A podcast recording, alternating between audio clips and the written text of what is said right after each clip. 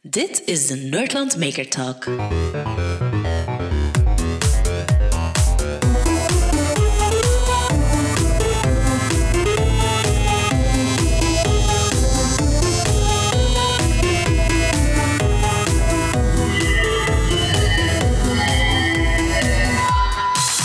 Dag Anthony. Dag Maarten, dag, Dag Kurt. Kurt. Dag Anthony. We zitten hier gewoon samen op, op fysiek r- reikbare afstand van elkaar in uw garage, in de open garage. We zitten met drie aan een tafel in een café, dus dat mag. Ja, voilà, wel, dat was kei cool. Met apparatuur op tafel en zo, en niet, niet via Zoom, en met een echte pint voor ons, en in een koel glas. En ehm, gewoon samen. En eh, voilà, we zijn twee jaar bezig met... We zijn twee jaar bezig met, eh, met, oh, eh, met, met onze podcast, met eh Nerdland Maker. Wat niemand weet, is dat wij eigenlijk twee jaar geleden, in een maand, twee jaar en een maand geleden, zaten wij hier ook. En hebben wij eigenlijk een testopname gedaan. Jij was ons proefkonijn waar wij onze apparatuur hebben getest. En hebben we dat veel te lang laten liggen, dat dat niet meer matchte met de Maar ja, het is nu augustus, het is een tweede kans, een herexamen. Dus Anthony zit hier klaar. Kijkt al een beetje kwaad weg. Ja, ik was eigenlijk aflevering nul, maar ja, Henk Rijkaard hij moest ten eerste zijn. Hè. maar Anthony, ça va met u? Eh, jawel, jawel, het is inderdaad twee jaar geleden. Twee jaar is eh, een heel andere tijd dan twee jaar geleden geworden, natuurlijk. Want ja, ik denk dat iedereen die hier naar luistert, uw naam wel ergens heeft horen waaien. Al is het een makerspace hier en daar, een open garage of een fright camp of een of ander tv-programma. Ehm, maar dus ja, hoe is het met u na twee jaar? Eh, met Anthony is alles heel goed. Eh, er is van alles gebeurd inderdaad in de laatste twee jaar. Ik weet, we hebben toen in de nulde aflevering hebben we gepraat over wat is een maker, weet ik het allemaal. Dat is, ja. Ehm, en ik denk dat dat beeld ondertussen wel wat genuanceerder geworden is. Hoop ik voor jullie ook, dat jullie al een wat betere definitie hebben. We hebben nog altijd geen definitie, maar dat was stiekem ook niet de bedoeling. Het was inderdaad om die nuance te gaan zoeken en de hele diverse invulling daarvan te gaan zoeken. Ah, wel, ja, voilà. En ik denk dat we dat wel wat bijgeleerd hebben. Dus ik ben blij van jullie het nog eens te mogen ontvangen hier in de open garage. Ehm, om eens een klapje te doen en met de nerds een keer samen te zitten, samen een pintje te drinken. En eh, ja, as good old days. Ja. Maar concreet, zo, het, want het, ik was zo uit aan het kijken uiteraard. Ik volg nog wel een beetje, ondanks het feit dat ik wel heel lang niet meer fysiek gezien heb. Maar ehm, tegenwoordig werkt jij bij een brandweer. Dat is een van mijn klanten momenteel, ja. En wat doet je daar? Ehm, we zijn naar een ontwerptraject aan het doen. Dus ik heb, eh, na corona heb ik Makerspace Antwerpen opgericht. ehm, waar wij proberen om ook bedrijven die nood hebben aan hardware en prototyping, om die te helpen. Bedrijven en organisaties. Ehm, en we zijn momenteel bij de brandweer aan het onderzoeken hoe we daar met technologie het werk van de brandweerman kunnen verbeteren. En of we misschien iets kunnen prototypen eh, om die mensen te helpen. En dat is dus kei cool, want ehm, fase 1 van een ontwerpproces bij mij, dat is empathie. En ik ben zo ooit wel eens bij Bpost ben ik postbode geweest en in een ziekenhuis ben ik wel eens verpleger geweest. En nu ben ik eh, even een paar dagen brandweerman mogen zijn en mee op de kazerne mogen ronddraaien en daar alles gezien. Ehm, en om zo stap voor stap, en we zijn nog lang niet aan een oplossing, eh, maar op zoek te gaan naar iets van technologie waarmee we de brandweermensen kunnen helpen in problemen die zij nu ervaren in hun werk. Het is wel iets heel typisch u, denk ik. Hè? En we gaan, eh, eh, vandaag gewoon van een hek op de tak springen en niet te veel structuur proberen in te brengen. Dat ook zal vanzelf gebeuren. Ehm, en je bent eigenlijk een, een professionele maker, waar dat je echt wel eerst heel hard wilt weten hoe dat die personen, dat bedrijf, die, die mensen, hoe dat die leven, waar dat die echt wat er nodig is. Omdat ik denk dat jij je heel hard wilt eh, beschermen om absoluut geen top-down beslissing of een technologie te pushen of een oplossing te pushen die je denkt of die management denkt dat nodig is. Maar dat je echt wel wilt begrijpen wat er leeft in, of wat dat nu een brandweer is, of wat dat nu Bipos is, of wat dat nu een eh, aflevering van, eh, of een case van Team Scheren is. Je wilt echt wel heel goed begrijpen wat het probleem is, of wat er überhaupt een probleem is. En wat dan de beste match naar een, pro- naar een oplossing is. En Ja. dat vraagt dan wel heel veel tijd, want dan moet jij inderdaad de hele tijd meelopen met die mensen, om dat goed te begrijpen, uiteraard.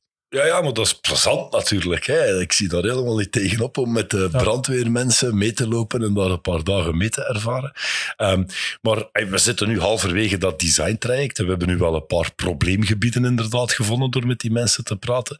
Maar ik heb nog altijd niet naar oplossingen durven googlen. Ik heb nog altijd niet gezocht naar innovation with the firefighters, weet ik wat, om te gaan kijken wat andere mensen met technologie aan het doen zijn. Uh, er zijn heel veel boeiende dingen met technologie aan de gang, maar ik probeer mezelf te beschermen inderdaad en eerst te leren van wat zijn de problemen die die mensen tegenkomen. Wat wringt daar om een job goed te doen? Um, en kunnen we dan gaan zoeken naar technologieën die dat probleem oplossen? Dus dat moet inderdaad stap voor stap gebeuren om te werken naar een zinvol ontwerp. Want als je niet eerst het probleem goed begrijpt, dan ga je ook geen goede oplossing kunnen bedenken. Um, het is soms wel eens belangrijk om eerst goed de complaints te kunnen begrijpen voordat we kunnen gaan suggesten wat beter is. Uh, de, de sticker is ook vele mensen wel bekend waarschijnlijk. Don't mhm. complain, suggest what's better. Um, maar dat don't complain wil niet zeggen dat je het niet mag zeggen. Ja, je moet het zeggen, maar dan moeten we snel naar de volgende stap gaan, een oplossing zoeken. Maar het moet wel even gezegd worden van wat het probleem juist is. Het, toffe is dat, dat ze eigenlijk een beetje, ik weet niet dat zo mag zeggen, maar het staat een beetje haaks op um, de, de sfeer die jij wel een beetje rond u hebt. Dat is zo twee voeten vooruit, gewoon er keihard vergaan. Het grappige is dat, dat dat lijkt keihard zo, maar dat is altijd wel heel overdacht. Van zodra dat het probleem overduidelijk en klaar is, dan moeten we ook gewoon vooruit gaan en naar oplossingen gaan. En een pragmatische aanpak, denk ik, dat daar, dat daar zeer nuttig in is. Um, we hebben net weer het uh, probleem met de watersnood gehad. We hebben een Make in Belgium gegooid, bijvoorbeeld, deze week.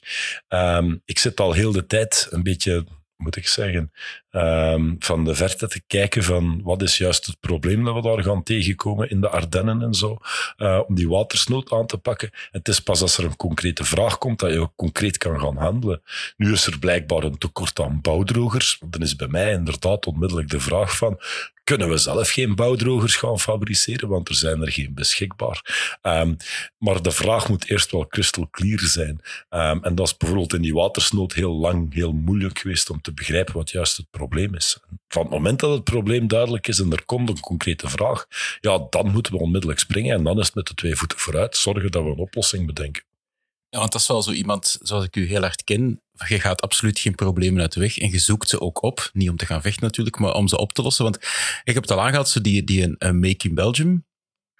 Um, dat is, we hebben ook met Peter en Stijn de Mil een podcast opgenomen, die dat er ook keihard in zaten tijdens de eerste lockdown, denk ik dat dat was, van de coronacrisis toen nog. Ook al anderhalf jaar geleden. Um, kun je daar een keer over vertellen van waarom dat je daarmee begonnen bent? Met de corona-denktank bedoel Ja, de corona-denktank bedoel ik, ja, ja, Sorry, ja. Um, ja, nee, maar het is, het is juist gelijk dat je zegt. Het is een idee dat toen ooit begonnen is in Make in Belgium. Ja, het is in Make in Belgium. En dan hebben ze een Slack-kanaal dat open stond en zo verder. En dan kwamen ineens 2000 man zat erop of zo op een gegeven moment of zo. Ik weet het niet juist, maar echt gigantisch veel. Het is uh, een roekeloos verhaal geworden. Hè. Het is ooit begonnen met Lieve Scherre, die op Make in Belgium de vraag stelde. Wel, al die senioren zitten in lockdown nu, uh, in een woonzorgcentra.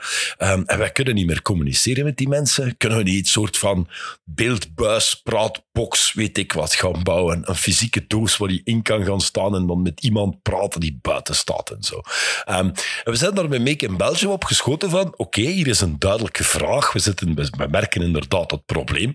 Um, nog niemand zat in lockdown, behalve die senioren in die woonzorgcentra. Um, maar goed, uh, eens dat we nog maar half begonnen denken van wat alle mogelijke opties waren om die mensen te denken. Diezelfde avond uh, zitten wij hier trouwens in de garage met een man of 15 en wordt de lockdown voor iedereen afgekondigd. Um, en toen is de versnelling hoger gegaan van ja, we moeten niet alleen voor senioren iets bouwen, maar het begint voor iedereen te komen.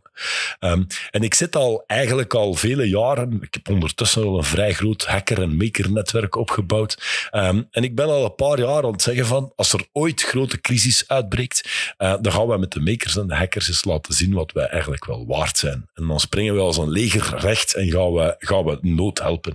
Um, Maar toen, die, die, die, die dagen dat de lockdown werden afgekondigd, kreeg ik ook zeer concrete probleemstellingen en zeer problemen uitdagingen. Um, ik kreeg telefoons van CEO's van ziekenhuizen, van commandanten van brandweerkorpsen, um, van andere mensen die op belangrijke functies zaten en die hele concrete problemen aangaven. Tekorten aan ventilatoren, tekorten aan mondmaskers, tekort aan communicatie. Um, en dan zijn wij er met een paar mensen opgevlogen en dat is inderdaad op een weekend van een beetje start-up style scale-up style gegroeid met teams die van alles bezig waren, van webdevelopment en zo. Um, hebben we de zelfgemaakte mondmaskers gelanceerd. Mhm, ja. Hebben we onze praatbox gelanceerd. Zijn we ventilatoren beginnen bouwen. Zijn we een stuk of veertig projecten beginnen bouwen. Het is op kwestie van twee weken van een, een idee van een aantal enkele mensen uitgegroeid tot een groep van vele tientallen duizenden naaisters die mondmaskers aan het Ja, maken absoluut, waren. ja. Ehm, iedereen, vele mensen die hier luisteren, zullen waarschijnlijk ook zelf mondmaskers aan het maken zijn geweest of op een andere manier bijgedragen hebben aan onze, aan onze denktank om als burgers tegen corona te vechten. Ehm, en we hebben daar toen die, die eerste twee maanden van de lockdown, hebben we denk ik een aantal zeer maatschappelijk zinvolle dingen gedaan. En hebben we eindelijk een beetje als maker community, denk ik, zijn we een beetje volwassen geworden. We hebben laten zien wat, wat, wat we kunnen doen en wat we een beetje maatschappelijk waard zijn. Als er paniek uitbreekt um, en er is nood aan out of the box, dan zijn we daar heel goed in en kunnen we daar heel grote, impactvolle projecten mee opzetten. Wat, wat daar ook heel tof aan was, vond ik, is uh, een het concept iedereenmaker. Het waren niet de, de typische makers die daar waren. Iedereen kwam op een gegeven moment gewoon mee in een Slack-kanaal. En die, iedereen die dacht van, ik kan ergens helpen, was ook, kwam er ook bij. En het waren niet de typische makers die in een, een makers of een open garage ergens met, met soldeerbuiten bezig Nee, het is gewoon iedereen die iets kan bijbrengen. Dus die definitie van maker is er ook gigantisch hard, gelukkig maar, opengetrokken. Ja, en daarom goed misschien dat het niet Make in Belgium als naam gebleven heeft van Corona Denktank. We hadden ook iedereen nodig. We hadden mensen in communicatie nodig. We hadden techneuten nodig. We hadden tienduizenden naaisters nodig. Uh, trouwens, naaister heb ik geleerd van mannelijke naaisters. Die noemen zich ook naaister. Uh, dat is een woord waar dat de vrouwelijke term ook voor mannelijke gebruikers wordt gebruikt. Uh, dus we hebben daar tientallen duizenden naaisters bij elkaar gekregen en die zijn ja, cruciaal geweest. Um, maar goed, of dat allemaal makers moeten zijn, dat weet ik dan niet. Um, het is een soort van burgerplicht die bij vele mensen opgekomen is. Um, het is een vrijwilligersplan geworden en iedereen die kon bijstaan, heeft ook bijgestaan. Dat werd om een duur ook een beetje onze filosofie. We noemden het een, een doocratie, in tegenstelling tot een democratie. Um, is een doocratie is de mensen die iets doen, die beslissen. Wil jij een communicatieplan opstellen? Wil jij foto's maken? Wil jij een patroon opstellen? Wil jij communicatie of een website bouwen? Wel ja, goed, als jij dat doet, dan beslis jij hoe dat moet gebeuren en dan geraken we tenminste vooruit. Um, we hebben daar prachtige, ja, um, golven van sympathie en van uh, ownership en weet ik wat allemaal gezien van mensen die begrepen van als ik een job aanpak, dan mag ik ze op mijn manier doen. En ik kan dat goed, die jobs die ik aanpak, dus dan doen we dat ook goed. Um, en dat is tof om die dynamiek te zien, uh, dat eigenlijk een beetje een anarchie geworden is van iedereen trekt een beetje zijn plan en probeert zijn best te doen. En dat dat ook wel gaat om dan zeer zinvolle projecten en grote projecten op te zetten. Ja, zeker en vast. Er is toch wel een serieuze impact gehad. Zijn er nog uh, spin-out projecten die nu nog uh, aan de gang zijn daar rond? Um, wel ja, goed. We hebben recent de watersnoodcrisis gehad. Um, waar opnieuw gebleken is dat burgers een heel belangrijke bijdrage kunnen leveren. Um, waar er weer een crisis is die onverwacht was, nooit gezien was. Um, en waar we merken dat burgers recht springen en van alles beginnen organiseren om vrijwillig te gaan opkuisen, om vrijwillig eten te voorzien voor de mensen, om vrijwillig op, op zoek te gaan naar, naar buddies nu voor families bijvoorbeeld. Buddy-families die, families die in noodgebieden zitten, die die helpen en een langdurige relatie opbouwen. Um, we hebben dat nu twee keer gezien. Um, en we zien ook dat ja, de overheid nu toch zachtjes aan ook het nut van onze manier van werken begint te zien en dat onze impact begint te zien. Um, dat er voor ons kansen zijn om dat nu ook in de toekomst uh, mee over scenario's te gaan nadenken en mee ja. bereid te zijn om, om de telefoon aan te nemen en, en actie te Ja, en, en wilt je dat? Of heb je dan misschien ook schrik daardoor dat te institutionaliseren, dat dat misschien dan juist averechts werkt? Want die duocratie, als je inderdaad dat meer in een structuur gaat gieten, misschien werkt dat dan juist minder goed of wel goed, ik weet het niet juist. Wat, het belangrijkste wat we daarin nodig hebben, denk ik, is een interface. En een interface is ook het voornaamste wat we zoeken. Dat is volgende keer, als er nog eens heel het land in de shit draait, ehm, moet, moet op een of andere manier moeten we de politiek doen begrijpen dat niet alle vrijwilligers dat dat charlatans zijn en mensen die misbruik willen maken van het systeem. Nee, er zijn een aantal mensen die het goed doen, die het goed kunnen doen, die impact genereren, die laten zien dat zij op een goede manier uh, veel kunnen doen bewegen en veel contacten hebben. Um, en ik zou graag hebben dat als er nog iets naar de shit draait en ik bel naar Binnenlandse Zaken, dat mijn telefoon niet niet, niet afgelegd wordt, omdat hier hebben we weer een. Um, dus dat we vooral uh, dat contact hebben. We merken nu ook, en we merkten dat in de corona-denktank ook, um, het is voor politiekers soms heel moeilijk om uh, toe te geven dat er iets fout loopt. Um, want als je out-of-the-box oplossingen wil aannemen, moet je tegelijkertijd toegeven dat er iets anders in jouw plan fout gelopen is. Um, en dat helpt ons niet om als vrijwilligers uh, door te geraken en steun te krijgen. Dat is iets heel vreemd. Uh, als wij aanbieden van wij kunnen zelf mondmaskers gaan maken, als de politiek dat wil verdedigen, moet ze ook eerst toegeven dat er geen mondmaskers zijn. -hmm. Um, maar als wij een interface kunnen oprichten, um, dan is er een backup plan. En dan is er een mogelijkheid om ook samen met de overheid out of the box te gaan denken.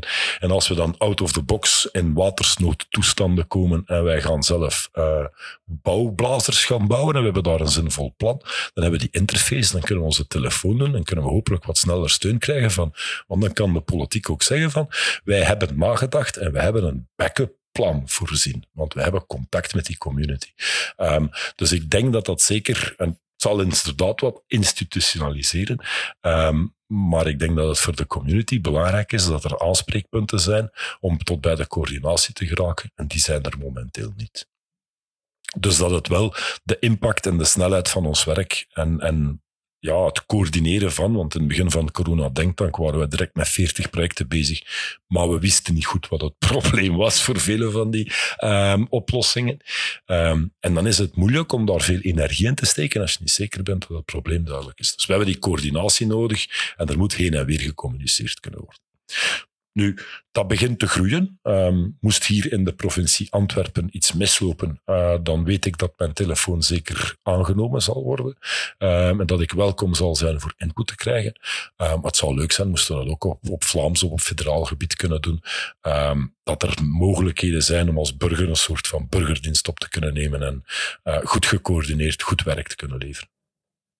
Ja, ik denk dat, dat ik, denk, ook. Ik ben alleen aan het denken van wat je net in het begin ook zei, van dat je inderdaad de tijd moet pakken om het probleem goed te kunnen bekijken en goed te kunnen onderzoeken. Ja, heb je soms niet het idee dat je daar misschien te snel in gaat dan, of zo, dat je niet, gelijk dat je zei, we zijn 40 projecten aan het doen, of is het gewoon van, ja, er is gewoon zo'n urgentie dat we gewoon moeten gaan en, en blijven, blijven doden en, en, nieuwe projecten moeten maken. Eigenlijk bijvoorbeeld met die bouwdrogers nu, want, want, dat vond ik heel waardevol bijvoorbeeld in, in um, het feit dat je een inleef um, gaat echt zo die empathie gaan opwekken, bijvoorbeeld als brandweer of als politie, eh, nee, als, uh, als uh, ambulancier. Ja, ja, whatever. Whatever dat je door, door in de volgende job misschien gaat doen. ja. Want, want dus, je, hebt, je, hebt, je hebt het probleem, maar je hebt daarnaast ook het, de root of the problem. Hè? Want meestal is hetgeen wat daar boven komt drijven, de oorzaak van andere problemen. En door, door die empathie te hebben, gaat je graven inderdaad naar problemen of niet heb je geen schrik dat je, dan, dat je dan je methodologie gaat moeten verliezen om echt heel hard te kunnen gaan zoeken naar wat het probleem juist is? Maar dat is mijn grote frustratie in het begin van die corona-denktank geweest. Uh, daar waar ik duidelijk die problemen zag, konden we gaan. Um, wouden we dat bij de, bij de politiek krijgen? Wouden we dat tegen? Maar de rest kregen wij inderdaad niet gecoördineerd. Wij, ja. wij, wij, wisten niet goed wat het probleem was. En dat is voor mij inderdaad een frustratie geweest, omdat dat niet klopte met mijn manier van Ja, want ik, ik las bijvoorbeeld een tweet of zo van u, denk ik, of, of een bericht van dat je zei van, dat er nu met die watersnood, dat er in communicatie wel het een en het ander niet zo vlotjes loopt. En laat ons daar een keer over babbelen, dat we die communicatie kunnen stroomlijnen. Misschien dat het feit van dat je nu bij een brandweer bezig bent, dat ook wel natuurlijk een beetje beïnvloedt, of niet? Ja, nee, dat helpt mij. Um, ik doe consultancy voor de brandweer, maar wij denken ook samen met de brandweer over andere thema's en over onze burgersamenwerking uh, bijvoorbeeld. Um, het is belangrijk dat we goed begrijpen wat het probleem is. Net als dat ik in het begin zei. Um, bij de mondmaskers was dat crystal clear. Vanaf dag één dat we mondmaskers moeten gingen maken en dat dat een belangrijke impact ging hebben. Uh, maar alle andere was dat inderdaad problematisch. En dan is het nuttig dat je coördineerd kan krijgen, dat je mensen ter plekke hebben. Toen in corona was iedereen ter plekke, maar nu bijvoorbeeld in de Ardennen uh, dacht iedereen hier in Vlaanderen, goed, ik ga al mijn dingen die ik naar de kringloopcentra ga brengen, die ga ik nu naar de Ardennen sturen. Um, want dan ben ik goed bezig, maar is dat wel een antwoord op het probleem dat daar ah, ja, leeft? Uh, en daar zie je dat dat dan toch wel een beetje misloopt. Um, maar we moeten, dat, we moeten dat goed krijgen, dat probleem goed definiëren. We moeten goede communicatiekanalen hebben. Um, en we moeten ook weten wat voor processen dat daarvoor nodig zijn. Hoe stel je burgers in godsnaam aan, aan het werk op op een bepaalde manier? Um, en Bert Bruggemans, de commandant van de brandweerzone Antwerpen bijvoorbeeld, die, die, die speelt in scenario's. Hij heeft een mooie TEDx-taak gemaakt over. Um, stel dat er een zombie-aanval is, hoe moeten we dan te werk gaan? Laat ons gewoon eens in fantasieverhalen denken. Niet om een concreet plan op te stellen, maar wel om te begrijpen welke procedures en welke manier van werken we nodig hebben om een totaal onverwacht probleem aan te pakken. Um, en learn as we grow. Hè. Het is constant, het is nog dagelijks dat we aan het aanpassen zijn, dat we aan het leren zijn wat het eigenlijk het juiste probleem is. Um, maar goed, ik denk dat we allemaal, als we een beetje uit onze ogen gekeken hebben, het laatste jaar en half problemen gezien hebben, barsten gezien hebben in structuren, manieren van werken, um, de manier dat de wereld draait. En ik denk dat het nu voor iedereen de grote taak is van we gaan erop bouwen, we gaan het beter doen. Uh, als je een probleem gespot hebt, begin eraan te timmeren en uh, we gaan een betere wereld bouwen. Ik denk dat dat nu het mooie is. Dan. We hebben een stevige crisis gehad. Uh, crisis is nooit leuk, but never waste a good crisis. En probeer de opportuniteiten te spotten om er een mooiere wereld door te maken.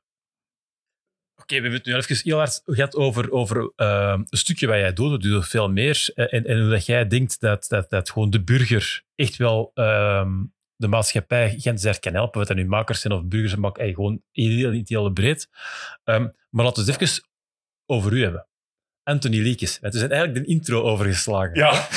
uh, die altijd filosofische, diepe, diepe conclusies trekken uit crisismanagement van de Belgische en Vlaamse overheid uh, en hoe wij er als burger aan kunnen bijdragen. Maar uh, ik heb daar het laatste jaar al over nagedacht. Dus, ja, wel, voilà. zijn, we kunnen er zelf over verder gaan. Trouwens, we hebben ook wat vragen gesteld om de maatschappij, de, de, nee, sorry, een zeer klein deel van de maatschappij die op Twitter zit. hebben we wel wat vragen gekregen, via Instagram ook. maar als je naar je website gaat, dan staat er uh, zo Anthony Leakes, Mad Scientist. Dat is echt wel de, de subtitle van uh, hoe dat jij jezelf, uh, hoe dat ze u noemen, hoe dat je, wel, hoe dat je zelf in, in de markt zit. maar voor ik er een vraag over ga stellen, zijn er eigenlijk drie termen die jij zelf um, op u zet. Want ja, dat zit op je eigen website. Hè. Maar je hebt research gedaan, Maarten, dank u. Dat is Mad Scientist, Inventor for Hire en Community Builder. Ik denk dat we het er juist al heel hard over... Nee, niet waar. We hebben het al een deeltje over het tweede get, maar nog niet helemaal. Uh, maar van waar komt die mad scientist eigenlijk? Um, ik, uh, dat, is, dat is een term die gaat ondertussen goh, een dikke tien jaar mee, denk ik. Um, ja, goed. Ik loop altijd wel een beetje in witte labojas rond. En uh, ik ben wel met een beetje fantasierijke dingen bezig. Um, en als mensen mij vragen, wat doet jij?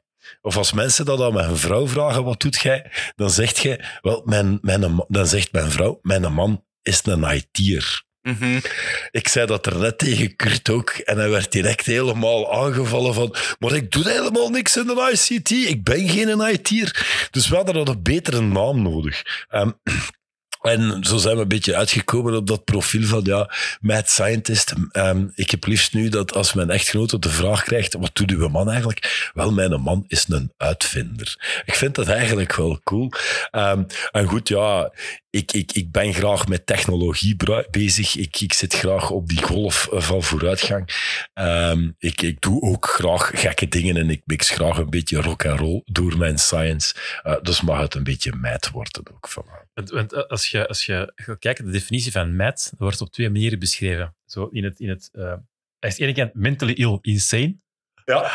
Maar aan de kant very enthusiastic about something or something. Uh, some, uh, one or something. Ik denk dat eigenlijk de beide, de beide wel keihard passen eigenlijk. Hè? Wel, dan laat ik aan de mensen over welke van de twee uh, instanties van de definities dat ik bedoel.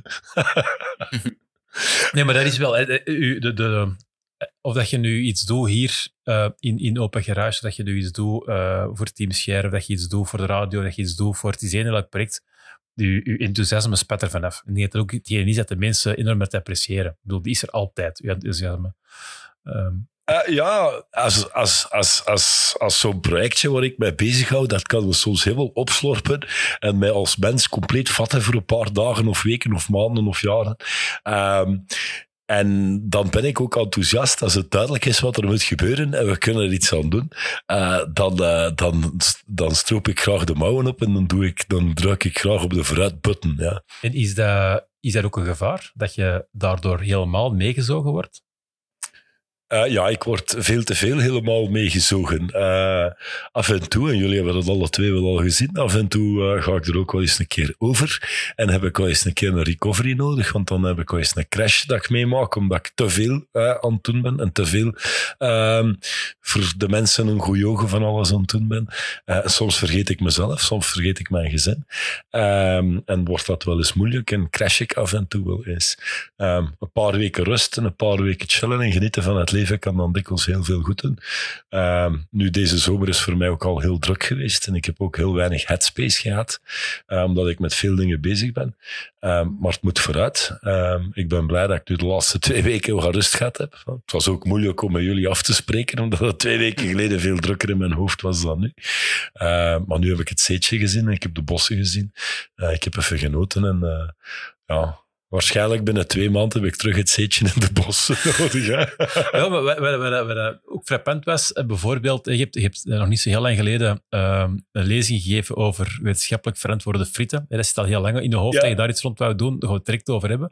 Maar dan, dan, dan typeert het u dat je inderdaad niet gewoon dat daar blijft, maar dat je ook gaat kijken, doen we, kan ik geen frituur openen met wetenschappelijk verantwoorde frieten? Je moet altijd net die stap nog extra doen. Ja, maar ik ken zo iemand die ook biertjes beginnen brouwen heeft en dan plotseling vier, vier paletten bier ontbrouwen is en er een hele business ontbouwen is. Ik denk dat we dat allemaal een beetje samen hebben, hè Maarten? Ja, dat is waar. Um, we hebben heel veel passies en we hebben heel veel hobby's. Um, maar op een of andere manier slagen we er toch altijd maar in om elke hobby opnieuw weer in een job om te toveren. En jij doet dat net hetzelfde. Hè? Elke nieuwe hobby die eraan komt, wordt binnen de twee, drie jaar op een of andere manier een job. En een job wil zeggen dat dat toch wel iets anders is dan een, uh, dan een hobby. Um, en dat vraagt andere kopzorgen. Dat vraagt kopzorgen. Een hobby zou geen kopzorgen mogen geven. Um, maar als het werk wordt, dan vraagt dat kopzorgen en dan komen daar complexe dingen bij kijken die het toch een beetje minder hobby en toch een beetje minder leuk maken. En dan, en zo hebben we het laatst ook uh, tegen elkaar in private message gezegd van ja, als je dan al je hobby's in uh, werk verandert, dan moet je weer op zoek naar nieuwe hobby's. Hè. uh, en de stapel wordt groter en groter en groter. Uh, en dat is een beetje mijn probleem waar ik in zit. Ik zit op een berg projecten en een berg dingen die ik gedaan heb. En sommige die nog onderhoud nodig hebben, die heel veel onderhoud nodig hebben, en die eigenlijk mij niet meer boeien. dat is heel spijtig. omdat het, ze boeien mij niet meer omdat ik er niet meer van kan leren. Ik ben heel hard geboeid in het leren van al die nieuwe hobby's. En het, het, ja. Wel, ik, ik, ik, ga daar even op door. Ik ga even die, die, die frieten even parkeren. Gaan we direct op verder gaan. Dat wil ik zeker doen. Maar, maar um, wat je nu aanschrijft is wel interessant. Ik denk dat um, zoveel jaar geleden, toen we nog uh, in, in uw oude open garage uh, in uw vorige, bij je vorige huis waren, toen waren je nog heel veel bezig met projectjes die gewoon van die kleine stomme dingen die je wou testen, die je wou proberen en zo verder.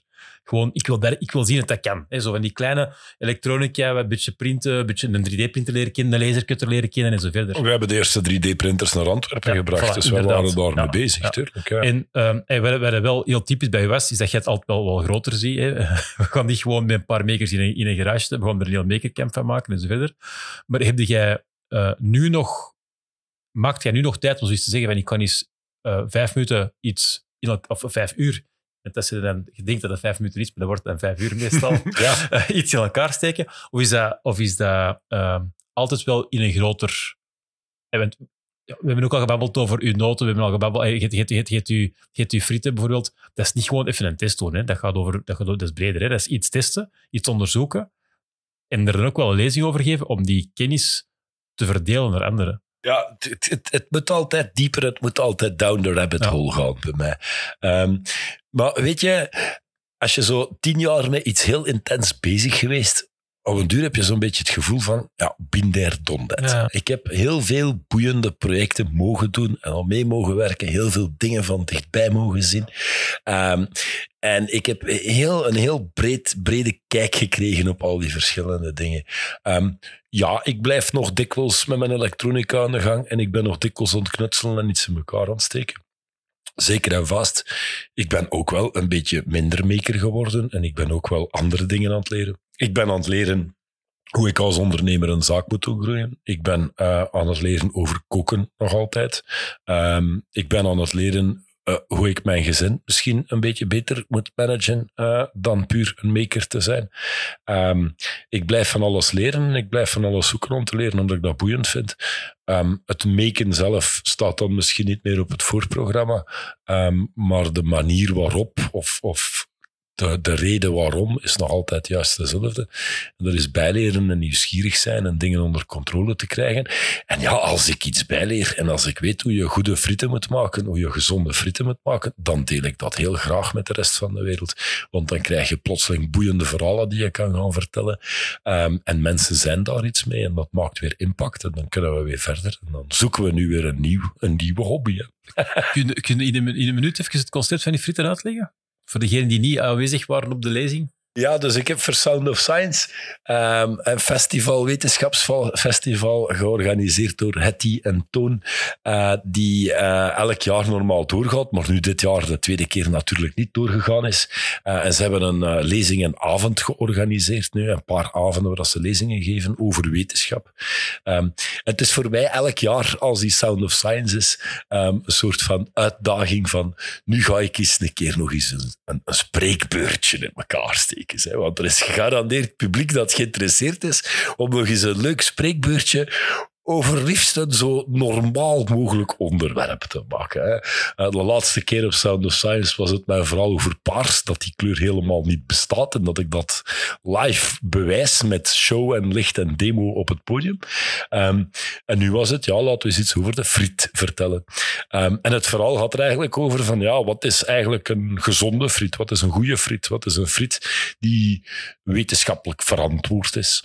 Um, uiteraard, frieten zijn niet gezond. Frieten zijn groenten, dat begrijp ik wel, die aardappelen. Maar toch staan ze niet in de groene driehoek uh, van onze voedingsdriehoek. Ze staan, de aardappelen staan wel en je moet meer aardappelen eten, maar frietjes toch niet.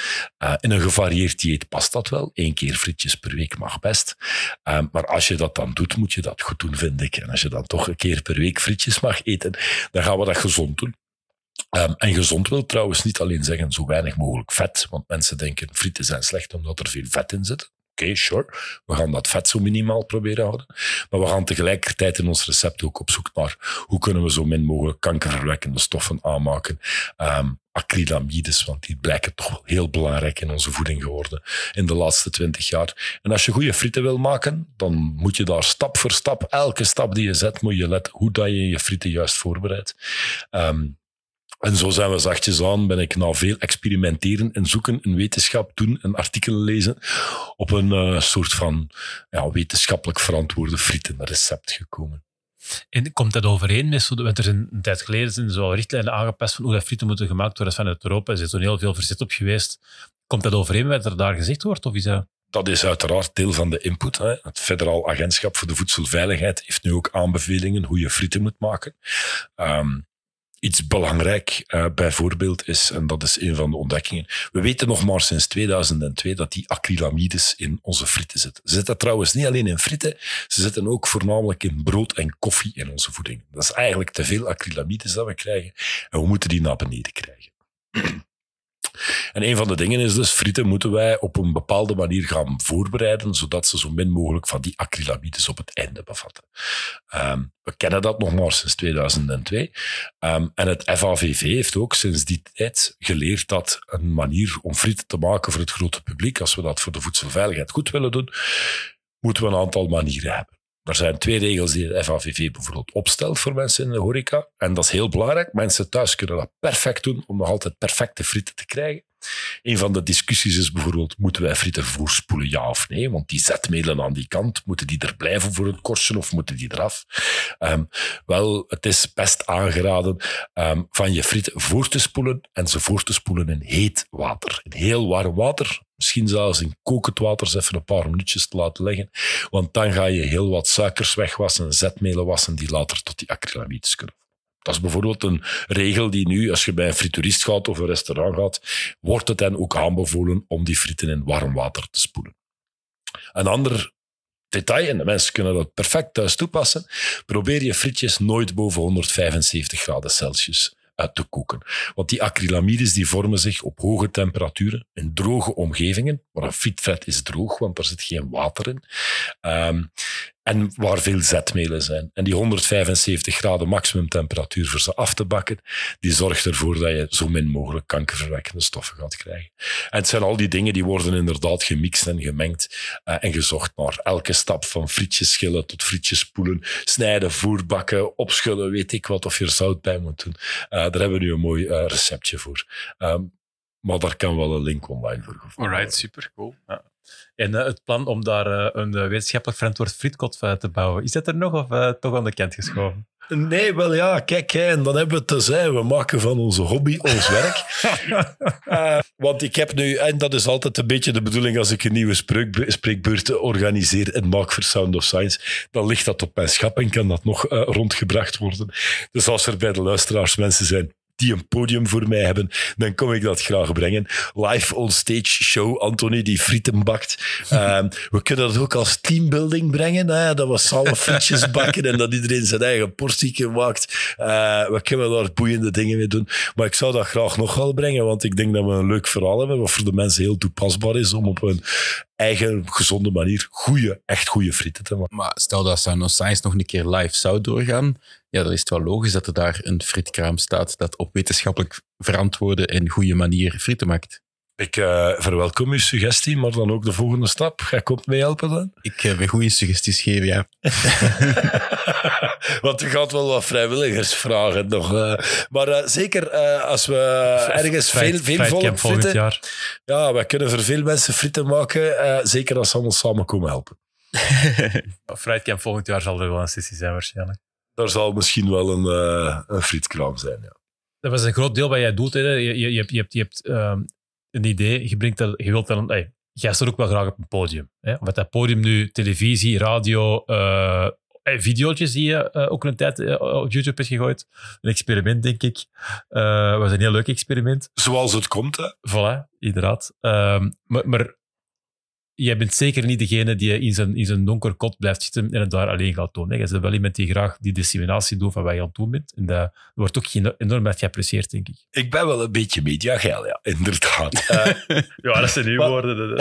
maar dat is ook een beetje, hè, want je hebt mijn website gelezen en wat daarop staat. Um, het, hetgeen wat voor mij een groot levensdoel is, is inderdaad om zoveel mogelijk wetenschap en technologie op te slorpen in mijn brein. Um, maar dat vooral ook te delen. Um, te zorgen, wetenschap hoeft niets hoeft niks van de academie te zijn. Wetenschap kan van iedereen zijn. Um, iedereen kan aan wetenschap bijdragen en iedereen kan van wetenschap leren. Dus dat is ook een tweerichtingsverkeer volgens mij. Um, en ik betrek graag iedereen in wetenschappelijk denken, in, in op een goede manier um, over wetenschap en techniek uh, denken. en als zo'n verhaal weet je, ik, heb nooit, ik heb nog nooit een show gedaan, nu gaan we eens over de wetenschap vertellen. Nee. Waar dat een andere wetenschapscommunicator misschien uh, een wetenschapsshow doet en daar een paar explosies op zijn podium doet, um, breng ik een wetenschapsshow en in plaats van explosies uh, zet ik uh, een friteuse en patatjes op het podium. Um, en dat is toepasbaar, dat is voor iedereen bruikbaar. Ik heb van vele mensen toen ook gehoord van, ah, wij gaan thuis nu verse frietjes maken. Uh, dus dat vind ik ook wel tof, dat we mensen aanzetten om, om te gaan maken. Ja, waarom niet? Ja, wel, voilà. Het is er ook, is er ook inderdaad op je website. Dat je democratiseren en decentraliseren van eh, toegang tot wetenschap en technologie. En ik denk dat dat heel interessant is, omdat um, vanaf dat het um, vulgariserend is, populistisch is, dan hebben mensen zoiets oh, dat is geen wetenschap meer. Dat is niet moeilijk. Maar dat is helemaal de essentie van wetenschap niet. De essentie van wetenschap is vooral dat het onderbouwd is en voorschrijdend inzicht. Het, het, het, het bakken van frieten kan binnen tien jaar totaal anders zijn dan dat het nu is, omdat er dan weer nieuwe inzichten zijn. Eigenlijk die, die net juist ook, die kankerverwekkende stoffen, die kennen ze ook nog, nog geen twintig jaar. Dus dat is continu voorschrijdend inzicht dat veranderd, veranderd is. En als je dat op een goede manier aan het brede publiek kan uitleggen, ja, is dat een heel belangrijke schakel waar gelukkig meer en meer mensen op aan het focussen zijn, denk ik momenteel, hè, met wetenschapspopulariserende en wetenschapscommunicatie enzovoort. Maar toch blijft er bij mensen zoiets van, ja, maar dat is geen wetenschap. Dan is het engineering. Dat is ook goed. Ja, ja. Maar nu heb je veel mensen kwaad gemaakt misschien. Maar is dat, past, Nee, dat ook niet, past dat ook niet een beetje in de lijn om om aan te vullen zo op ehm, zo die, die do- doctoraatsverdediging, ik weet niet het heet, wat je zo doctoraatsthesis in een minuut moet gaan uitleggen. Ehm, ook wat dat toon ook achter Ja. zit. Hè. Zo Ah, daar, ja, ja, ik de, denk, de, de PSG... eh, Ja, PSG Cup. PSG Cup. Ja. ik- ik volg dat volledig inderdaad van uit die ivoren toren komen en, en hoe meer dat je mensen in hun dagdagelijks leven dat ze hebben en frieten eten, vind ik dat daar zeker een deel van uitmaakt. Hoe meer dat je ze kunt confronteren met, kijk, dit is wat dat wetenschap gezegd heeft en zo kunt jij voor u zelfs je leven beter maken. Ja, ja. Ja, en, en, en het recept uit de familie evolueert nu plotseling. Gelijk dat jij er ook net zei, Maarten. We hebben, ik heb een recept gekregen van mijn moeder, van haar moeder en van weet ik het allemaal. Ehm, en we hebben die nieuwe kennis eraan toegevoegd nu, want bij ons in de familie was het heilig dat je frieten moest spoelen in koud water. Eh, dat spoelen was belangrijk. En wat voor koud water, dat was een bijkomstigheid.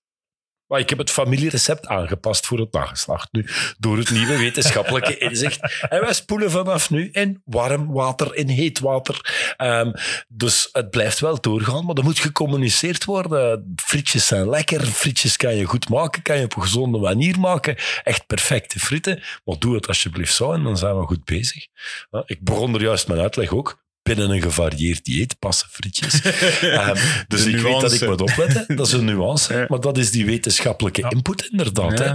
Ehm, ik probeer alles wat ik, te- wat ik communiceer ook correct te communiceren. Ik wil geen fake news gaan beginnen genereren. Of dat dat is met eh katoenen mondmaskers die je van t-shirts maakt, of dat gaat over goede frieten maken. Dat is altijd wel de essentie. Kunnen we dat goed doen? Kunnen we dat op een Mhm. ethische manier doen? Kunnen we dat op een duurzame manier doen? Eh, dat soort ideeën, die moeten erin zitten. En dan zijn we goed bezig. En dan wordt wetenschap boeiend. Wetenschap, toegepaste wetenschap. Mensen verschieten ervan hoeveel ze het meemaken. Maar als je in de keuken bezig bent en je bent aan het koken, dan ben je met toegepaste wetenschap bezig. Je bent met biologie bezig, want alles wat we eten, behalve water en zout, komt uit dieren en planten. Ehm, het is allemaal chemie dat we doen. Het is allemaal fysica dat we doen. We gebruiken technieken. Nadat we eh, stenen tools beginnen maken, zijn de eerstvolgende technologie die we als mens be- bereikt hebben, is het bewerken van voeding. Dat is hetgeen wat dat na stenen tools gekomen is. Lang voor het vuur er was, ehm, zijn wij bezig geweest met de bewerking van eten. Dat gaat om techniek, dat gaat om technologie, dat gaat om opwarmingstechnieken, mixtechnieken, weet ik wat allemaal. Ehm, en ja, goed, normaal als ik in de keuken sta, dan staat wetenschap volledig af. Ik heb wel wat ervaring als chef opgedaan om, om dat vanzelf te laten lopen, dat koken. Ehm, maar het is en blijft wetenschap. Ehm, en dus ja, dat is zeer boeiend. Eh, inderdaad, ik bedoel, eh, sinds ik met dat bier brouwen, eh, ik was er al een paar jaar mee bezig, maar nu toch iets, iets anders geweest. Ook heel hard aan bijleren over ja, wat is nu de chemie die daarin zit bijvoorbeeld. En vorige week was ik nog een dag bezig met twee exact dezelfde biertjes te brouwen. Eén dat op 62 graden meisje is en tweede op, op 72 graden. Omdat ik weet wel wat er chemisch veranderd hebben. Er zijn er enzymen enzovoort. Maar ook om dan te kunnen gaan testen met een publiek van proef je nu het verschil tussen die twee en waarom enzovoort enzovoort. En dat is inderdaad gewoon onderbouwd. En niet gewoon iets doen, maar toch wel proberen om dat onderbouwd en te kijken wat zijn de processen die erachter liggen, om dat ook wel te gaan, te gaan doen. Dat maakt het kei interessant. Ja, je wilt niet weten wat voor boeiende processen dat er in frieten zijn. Maar goed, dan moeten de mensen maar podiumke voor mij regelen. wel, en, en, dat, en dat, dat We hebben al genoeg teasers gegeven. en, en, en- en het tweede luikje waar, waar de mensen zeker eens moeten bekijken, want dat gaat dan over die, de uitleg van, eh, dat je correcte uitleg wilt geven, eh, dan moeten ze zeker ook je, je eh, YouTube-filmpjes zien, waar je meestal ook wel rond een bepaald topic gaat, waar het gaat van, is dit wel correct? Was dat zo? Bijvoorbeeld, ik herinner me nog de hele lezing over de drone show bijvoorbeeld. Eh, Ah, ja, en ja, andere ja. zaken. En zo, zo, maar die, ik zal de link ook wel, eh, wel, wel online zetten. Ja, ik heb ook een filmpje gemaakt over kunnen we 5G mee, mee met het vaccin ingespoten te krijgen. Ehm, we hebben wel manieren om dat inderdaad in een mens te krijgen, maar dan, ja, dan hebben we een suppoken nodig om in de poep te steken en dan krijgen we 5G wel in mensen. Als het antenneke nog uit de poep blijft hangen en zo. Ehm, maar het gaat inderdaad om die essentie. Wat is dat eigenlijk om 5G in iemand zijn lijf te brengen? En kan dat eigenlijk zomaar met een spuit? Nee, dat kan helemaal niet. Probeer me maar eens het tegendeel te bewijzen. Ik had ehm, twee dagen na mijn vaccin wel 5G en twee dagen voor mijn vaccin niet. Mijn piemel is 5 centimeter Ik was, langer geworden. ik was ook van provider veranderd, maar dat is een, dat is een dat datapunt dat niet belangrijk is. Goed, Mad Scientist, daar hebben we het er juist over gehad. Een, uh, een, een, een, tweede aspect is in, Inventor for Hire. Uh, ja. Maar daar is iets, waar we het er juist ook al een stukje over hebben gehad, hè, wat je dan bijvoorbeeld doet. Maar, maar dat is wel iets dat je... Uh, ik vond dat wel moedig. Hè. Je, je, hebt ook eens gewerkt in, in een van, van de spin-off bedrijven dat ik heb opgestart. Dat je eigenlijk zegt van ik ga x aantal dagen, x aantal weken meedraaien met een team. Ik ga gewoon daar een nieuwe wind proberen te... te, te, te, te mijn, mijn, mijn inspiratie daar te kunnen meegaan om een drive te geven. Maar ik blijf daar sowieso niet te lang. Want dan is het, het nieuwe concept, dan is mijn input weg. Dan ben ik gewoon een employee en dat wil ik niet zijn. Ik wil altijd uh, voor bedrijven uh, een, een verandering teweeg brengen. En, en, en laat me zeker en vast ook doorbij stellen, dat is iets wat ik ook wil. Uh, ik wil blijven leren en blijven van het een project op het ander springen, omdat ik dan zelf ook mijn, mijn, mijn, mijn ervaring verrijk. Het is inderdaad zo, als je mij inhuurt, maar goed, allee, pas op, dat is nu misschien wat minder. um, dan kreeg je al eens die opmerking van maximum twee maanden. En dan ben ik terug weg. Um, ik heb ook ooit als academicus die ondernemer wou worden, een goede tip gehad van een uh, VC, een venture capitalist. Dat zijn mensen die kapitaal uitdelen aan uh, jonge ondernemers als je een goed plan hebt. Um, ik had toen een goed idee, um, maar ik was niet de juiste mens om ondernemer te worden. En die mens heeft me toen aangeraden, Anthony, ga het nu gewoon vijf, zes jaar um, zoveel mogelijk bedrijven gaan zien, uh, bijdragen, zo dicht mogelijk bij uh, de bazen gaan zitten en het C-level, zoals ze dat noemen. om daar te kijken hoe je een bedrijf moet runnen, want ik was toen academicus, ik was toen postdoc in de biotechnologie. Ik had wel ideeën, maar ik had geen idee hoe de echte wereld werkte en hoe zaken gedaan werden. Um, en hoe, van je, hoe je van een goed idee um, kan opwerken naar een idee dat verkocht kan worden en dat boeiend kan zijn voor zaken mee te doen. Um, en zo ben ik inderdaad inventor for hire geworden. ik uh, help bedrijven die uh, niet goed zijn met technologie, omdat het een core business niet is, uh, maar die wel vinden van, uh, tja, moesten we wat technologie kunnen toevoegen aan ons product, dan kunnen wij veel meer verkopen en ontstaan er nieuwe business opportuniteiten. Um, maar goed, bedrijven die bijvoorbeeld in de catering zitten of die iets in de groen doen of weet ik wat allemaal, die ver weg staan van, van met technologie werken. Die begrijpen die business-opportuniteiten wel, uh, maar die denken hardware is hard. Uh, jij kent dat wel waarschijnlijk. Als je investeerders, als je geld moet gaan oproepen, dan wordt er al eens snel gezegd van ja, geld voor hardware te gaan ontwikkelen. Uh. Ja, als dat niet je kernactiviteit is, dan is dat inderdaad iets heel moeilijk. Um, en wij helpen bedrijven die dat niet gewoon zijn om dat te doen. Die help ik, die begeleid ik om wel vooruit te geraken. Er zijn veel mensen die met heel goede ideeën in PowerPoint zitten, uh, die dat graag een volgend stapje zouden willen zetten, zouden willen weten van, werkt dat dat PowerPoint-idee eigenlijk wel. Um, en dan ga ik uh, met prototyping en gaan we aan de slag om uh, met, eigenlijk dat we daarnet zeiden ook, met empathie de gebruikers te leren kennen. Gaan we op zoek om zo goed mogelijke prototypes te maken en grote stappen te zetten van die PowerPoint weg. en Sinds de laatste, het laatste jaar is daarnaast het prototypes maken in de naam product ook nog eens de supply chain van hardware, die komt er nog eens bij, die gigantisch moeilijk geworden is. Ja, het is echt langs alle kanten een disaster. Ja, ik heb uh, met uw collega's ook aan geweest, Maarten, tekort in chips. Wij hebben zelf ook een geluidssensor gebouwd voor um, omgevingsgeluid te meten. Uh, te weten, een soort van citizen science project dat we aan het initiëren zijn om iedereen een bakje te geven en een microfoon buiten. Tot wij natuurlijk naar productie wouden gaan en uh, een paar tiental microfoons nodig hadden. Toen waren plotseling de microfoons ja, al 56 weken of zo. Ja, het, ja. Uh, maar goed, allee, dan moeten we met alternatieven aan de slag. En we zijn uh, agile en pragmatisch en flexibel om te kunnen switchen en een oplossing te kunnen bedenken. Hè. Maarten, dat is bij jullie en bedrijven ook zo. Um, dan, uh, dan wordt het pragmatiek en dan wordt het uh, vooruitgaan en uh, ja, hakken met de bijl en, en toch naar een oplossing gaan. Maar dat is, dat is dan wat we professioneel ook goed kunnen natuurlijk. Ik, ik vind het wel knap dat je dat doet, hè? Dat, je, inderdaad naar die verschillende bedrijven gaat, dat je daar ongetwijfeld leer je daar veel meer van zelf dan dat je heel lang in bedrijf... Hey, je gaat ook jezelf veel meer uitdagen daarin, dus dat is, dat is enorm knap. Maar het is ook wel... Hey, het, het, het is niet de meest voor de hand liggende weg die je daar zelf kiest. De gemakkelijkste weg is ergens een tof bedrijf en daar blijven. Dat is, dat is, dat is gemakkelijker. Ja, Weet je, ik, ik, ik stel mij bijna wekelijks de vraag, en dat is eigenlijk misschien heel luguber, ehm, maar wat ga ik denken als ik op mijn doodsbed ben? En dat is, dat is, dat is voor mij een, een driving force. Van hetgeen wat ik nu afgelopen week gedaan heb, wat gaat Anthony zeggen als hem, toen op zijn, als hem daar binnen zoveel jaar op zijn doodsbed ligt? Ehm, en dan gaat dat bijvoorbeeld over, ja, als ik hoor wat andere mensen dan denken op zo'n moment, um, dan gaat het over, ik heb spijt dat ik dat en dat en dat niet gedaan heb. En dus ik ben mij nu aan het proberen zoeken, wat zijn al die dingen waar ik misschien ooit spijt van ga hebben. Uh, en dat exploren drijft dat ergens. Ik ga, ik ga spijt hebben dat ik misschien niet genoeg verschillende dingen geleerd heb. Dat, is gewoon Anthony. Um, ik zal spijt hebben als ik mijn gezin niet voldoende in balans gebracht heb. Dat is ook wat Anthony zal denken. wat al moeilijk is, uh, laat mij eerlijk zeggen. Um, want er zijn zo'n paar dingen waar ik geen spijt van wil hebben. en veel kunnen bijleren. Ja, dat is hetgeen waar ik ooit spijt van zou hebben, moest ik dat niet gedaan hebben. Ja, en op zich is dat wel cool dat je nu deels betaald wordt om dingen bij te leren ook. Ja, goed. Ja, helaas zijn alle hobby's ook werk geworden. ja, maar dat is dat. Um, maar goed, dat is, dat is, van de ene kant wel leuk. Ik, ik blijf nog altijd een droom nastreven. En een droom nastreven is om zoveel mogelijk bedrijven inderdaad te zien. Um, ik kon dat niet meer op mijn ukkie. En daarom dat we nu Makerspace Antwerpen hebben mogen oprichten.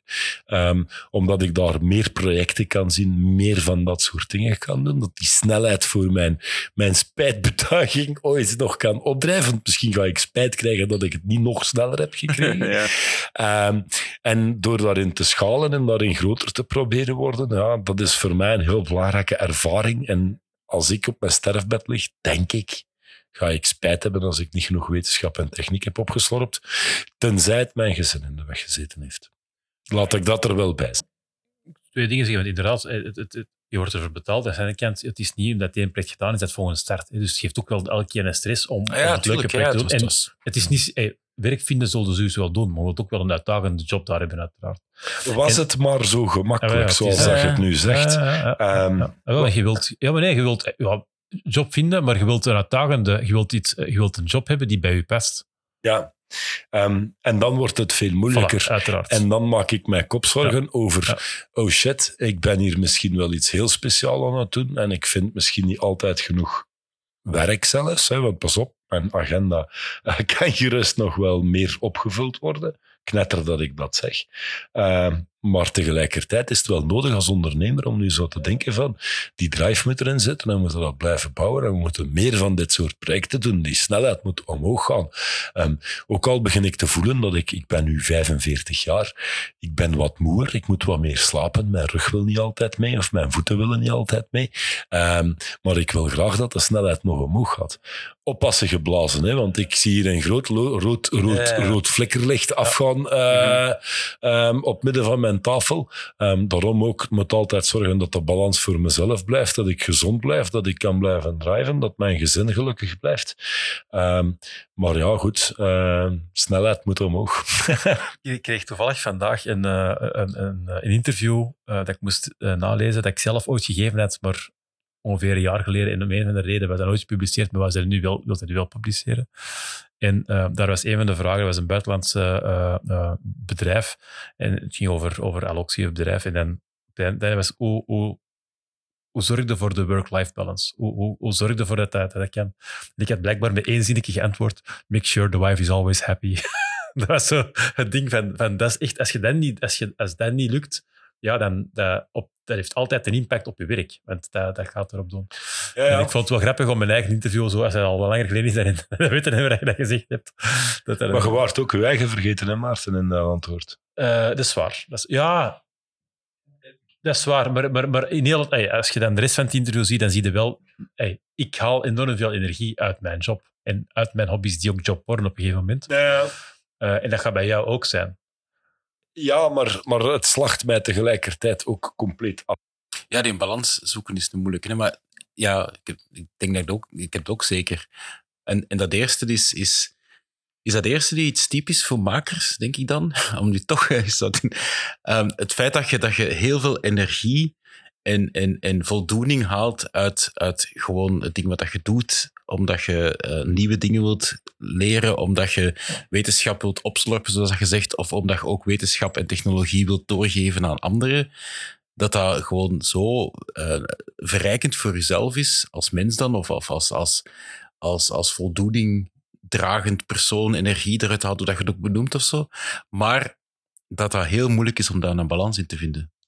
Ja, ik, ik denk dat iedere maker die echt overdreven maker is, die een beetje ja. de nerd in het maken is, heeft een te lange to-do-lijst. Uh, ik denk dat iedereen heeft nog wel, en ik moet dat projectje en dat projectje mm -hmm. en dat projectje nog doen. Oh shit, en ik ben ze niet aan het doen. Ik denk dat dat inderdaad een eigenschap is dat in veel makers zit. Een lang, lang, lang to-do-lijstje van projectjes. Oh, dat zou ik ook nog graag wel eens een keer willen doen. En of nog een keer willen leren en zo. Ik denk dat de meeste projectjes altijd wel voor te leren zijn. Ja, natuurlijk. Ik denk dat geen ene, geen ene maker... Ik ga nu nog eens een keer voor de 378ste keer een keukenkast maken.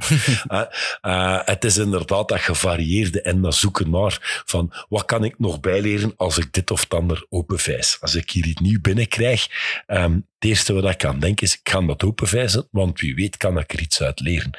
Als ik nou langs de winkel passeer waar ik nog nooit binnen geweest ben, dan denk ik, ik ga eens binnenspringen, zodat ik tenminste weet wat dat die hier Moest ik ooit dat spul nodig hebben, dan weet ik tenminste ja. dat ik het hier kan vinden. Je wilt niet weten hè, wat voor een vreemde winkels dat ik al binnengestapt ben. Hair extension shops en zo die dingen. Ik moet het nu toch eens een keer zien wat ze hier aan voorraad liggen hebben. En dan zie je allemaal hair extensions en toeltjes om dat vast te spelden en weet ik wat allemaal. Maar ik weet tenminste, als ja. ik ooit air extensions nodig heb, waar ik moet zijn en wat dat ze daar kunnen krijgen. Want dat is diezelfde nieuwsgierigheid, ja, denk voilà. ik, van ik moet weten, als het voor mezelf ooit nuttig en zinvol en waardevol kan zijn, waarom zou ik niet nieuwsgierig zijn en hier die winkel van hair extensions maar, Inderdaad, maar tegelijkertijd is het al verschillende keer gebeurd dat jij met een project afkomt en dat jij een combinatie maakt van twee dingen. En dat ligt er trouwens één voor u. Waar je dat wolkje, dat ergens van een hek van een Ikea, denk ik ooit, ja. Dat je inderdaad, dat jij iets pakt dat er perfect bij past, dat je zoiets hebt van, ja, dat wordt gewoon voor dat project gemaakt. Maar nee, dat is jij die wel weet van, ik moet daar naartoe gaan om dat onderdeeltje te gaan pakken, dat er allemaal aftalen. En ik heb dat stukje nodig om dat in een project te gaan gebruiken. Dus dat is dan wel het voordeel dat je dan ik heb, ik heb graag die, die stok wat ja, hier in, in, in, in, in 20 kilometer omstreken van mijn woning, wat daar beschikbaar is. Um, because you never know. Um, een van de dingen die ik bijvoorbeeld, uh, en hier ligt het trouwens niet, maar op de Makerspace hebben we het wel op voorhad, poolnoedels. Het is ongelooflijk wat je allemaal met een poolnoedel kan doen. Zo'n zo'n zo'n zo'n schuim, schuim, lang rubber ding in alle kleurtjes die in het zwembad ja, kan gebruiken. Ja, ja. Eén meter afstand van de fiets trouwens aanduiden. Ja, voilà, bijvoorbeeld die schuimrubberige dingen, wat je daar allemaal mee kan doen, naar geluidsdemping of weet ik wat toe, of um, zelfs mensen klop geven zonder dat het echt pijn doet. Dat is eigenlijk wel grappig eigenlijk. um, maar het zijn van die dingen, als je daar nooit mee gespeeld hebt, ja, dan komt dat niet in je op, wat voor oplossingen dat allemaal kan bieden. En je moet dat gewoon weten. Op een of andere manier moet je dat verzamelen. En ik ben zo verzamelgek, inderdaad. Gaat dat dan over technieken? Gaat dat over alle materialen die beschikbaar zijn? Uh, gaat dat over ingrediënten wat ik in de natuur je kan Je bent eigenlijk een soort bibliothecaris. Niet alleen van ideeën en kennis, maar ook van hardware. Oh ja, dat wil ik graag weten. Maar het is ook zo, ik ben zo ooit in een winkel binnen geweest uh, waar dat ze allemaal boten verkopen en, en kapiteinsmutsen en, en ankers en boeien en weet ik wat allemaal. En geografische kaarten. Wauw, ja, dat is geweldig om zo'n winkel binnen te stappen en, en dat in mijn lijstje, ja, mijn, en mijn heb je te maken. Ook gezien van de zomer, uh, tuintafelboot, of hoe heet het? Ik Eettafelboot. de picknicktafelboot gebouwd. picknick. Ja. Ja, dat Was dat ook de, van een inspiratie van in de bootwinkel? Of dacht je van, ja, ik ga dat gewoon doen? Het, ik ben in die botenwinkel geweest omdat ik een picknicktafelboot gebouwd Ah, heb. dus dat was al mijn doel dat je naar die winkel ging eigenlijk. Ja, ja. En even voor de luisteraars. Ja, ja, voilà. Dus De, de picknicktafelboot, dat is een, een picknicktafel. Trouwens, ze zijn in de, in de macro het goedkoopst aan 129 een houten picknicktafel. Een houten die, die standaard inderdaad, zo met zo één meubel met een tafel het midden, naar twee bankjes tegenover elkaar. Ja, En ik heb daar vier van die, van die blauwtonnen onder gezet met een frame Olievaten. te timmeren. Van die, Of- ja, van die plastieke, plastieke, olievaten. Want het is niet alleen olie dat ze erin vervoeren. Blijkbaar, als je zo van die vaten nodig hebt, dan moet je bij een garagist zijn. Want die, die, de, de, de ruitenwisservloeistof die wordt zo in In 200 een- liter per keer geleverd in van die blauwe vaten. En elke garagist heeft zo van achteren wel een stok of vijf, zes van die lege vaten staan, maar dat we niet weten waar dat hem eh, naartoe moet. Dus als je ooit een vlot moet eh, bouwen, dan is dat een tip. Ehm, maar voilà, kijk, Was dat ik ook omdat wist- je toevallig een keer bij een garagist van achter Voilà. binnen geweest was? Hier hebben we ze. Nee, die hebben we via een vriend gekregen. Eh, die Nee, maar dat wist je dat wist, dat je dat wist dat de wel, garagist dat heeft. wel, die vriend wist dat, dat ze daar eh, bij Ah, garages, dat er van die blauwe vaten liggen om die reden. Ehm, dus nu weten de andere luisteraars dat ook allemaal en verspreiden we weer die kennis. Maar ik heb dus vier van die blauwe vaten genomen. Ik heb er zo'n picknicktafel op getimmerd. Ehm, en nu ben ik kapitein geworden. Met brevet of zonder? Eh, wel, blijkbaar als je een schip hebt dat korter is dan 2 meter en half, dan hoeft dat niet geregistreerd of zo te worden. Dan kan je er ook niet de sluizen mee in of zo. Maar ze hebben dat gedaan voor mensen met kano's en kleine roeibootjes en zo. Die moeten niet geregistreerd zijn om op de openbare waters te gaan. Ehm, dus we hebben daar weer inderdaad het zotte idee gehad van als het zomer is en het is goed weer, wat we nu afgelopen zomer helaas nog niet meegemaakt Ja. hebben, dan kunnen we gewoon zelf bootje gaan varen en dan kunnen we avonturen gaan beleven op het water. Eh, en dat is ondertussen al vrij plezant geweest. En zo zijn we weer aan het bijleren. Want we zijn weer aan het bijleren wat dat is. Stabiliteit op het water en drijfvermogen en die wetgeving over op het water te mogen en zo. En dat is weer een rabbit hole die je ingaat door eens een keer eh, een paar blauwe vaten te zetten, boven, eh, een picknicktafel er bovenop te zetten.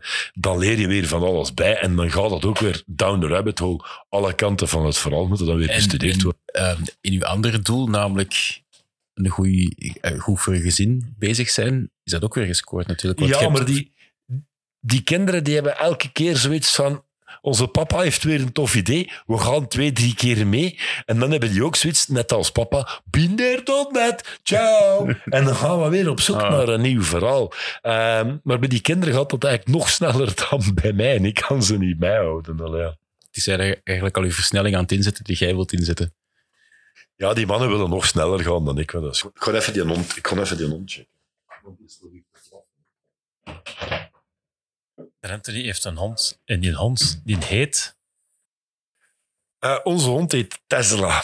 Ehm, maar die is uiteraard niet genoemd naar de autofabrikant. Wel naar Nicolai. En Maar wel naar Nikola Tesla, de grootste uitvinder aller tijden. Maar, maar mijn echtgenote die, die, die, die, die kwam met dat idee af van een hond. En ik had zoiets van, nee, een hond, allee, ja, toch geen een hond. Allee. En wie gaat daar dan mee wandelen? Want dan moet ik er weer mee gaan wandelen. En tralala, je gaat toch geen hond in huis halen. Totdat mijn vrouw het geniaal idee had. Wat als we die nu eens Tesla noemen? Ah ja, dat vind ik wel een goed idee. Ik wil wel een hond. En wie moet er met een hond gaan wandelen? Ja. Nee, maar we hebben een vreedschatje van een Tesla hier, ons labradorke. Maar af en toe komt ze eens moeien. Hè, maar ja. Oh, ja, maar de rest heeft hij ons ook eh, zeer eh, spontaan eh, verwelkomd. Dus eh, dat was een, een tof beest, sowieso.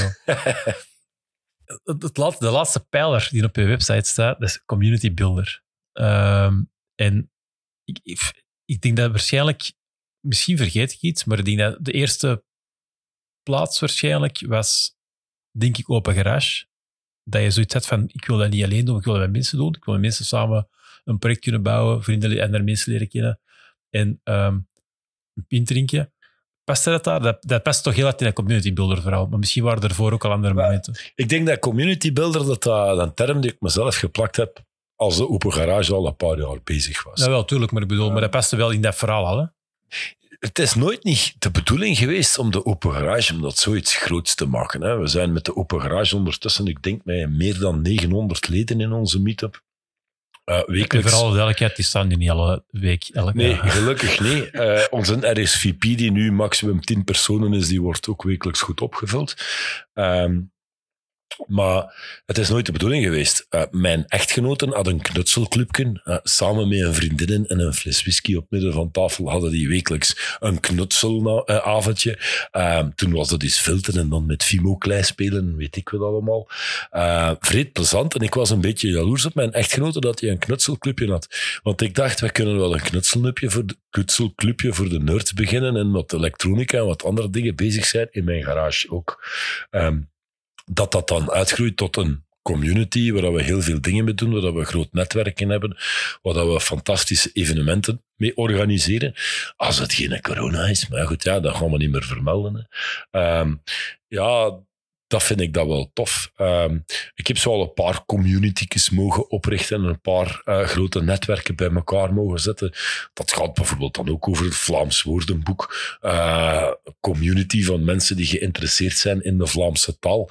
Um, en heb je daar een overnemer van gevonden? Um, wel, dat, dat, is zo, dat zijn zo van die projecten die komen inderdaad op mijn grote berg te staan van projectjes die ik allemaal verzamel en allemaal moet onderhouden. Um, ik heb daar denk een dik half jaar geleden heb ik hulp gezocht, omdat uh, een beetje, ja, ik kon het niet meer managen. Die, die webserver draaide 13 jaar met 13 jaar oude code in een Ruby on Rails versie, versie 1. Ik denk dat zo momenteel on Ruby on Rails 6 of zo zitten. Wij draaiden nog op één. Je kunt het u niet inbeelden wat voor een stress dat dat voor mij veroorzaakte. Ik krijg wekelijks mails van mijn provider dat er weer hackers op mijn kast zitten. Uh, maar sorry, maar dat was eigenlijk niet de bedoeling. Ik had de, week, ik had de ik had een weekendje een websiteje schrijven in gedachten.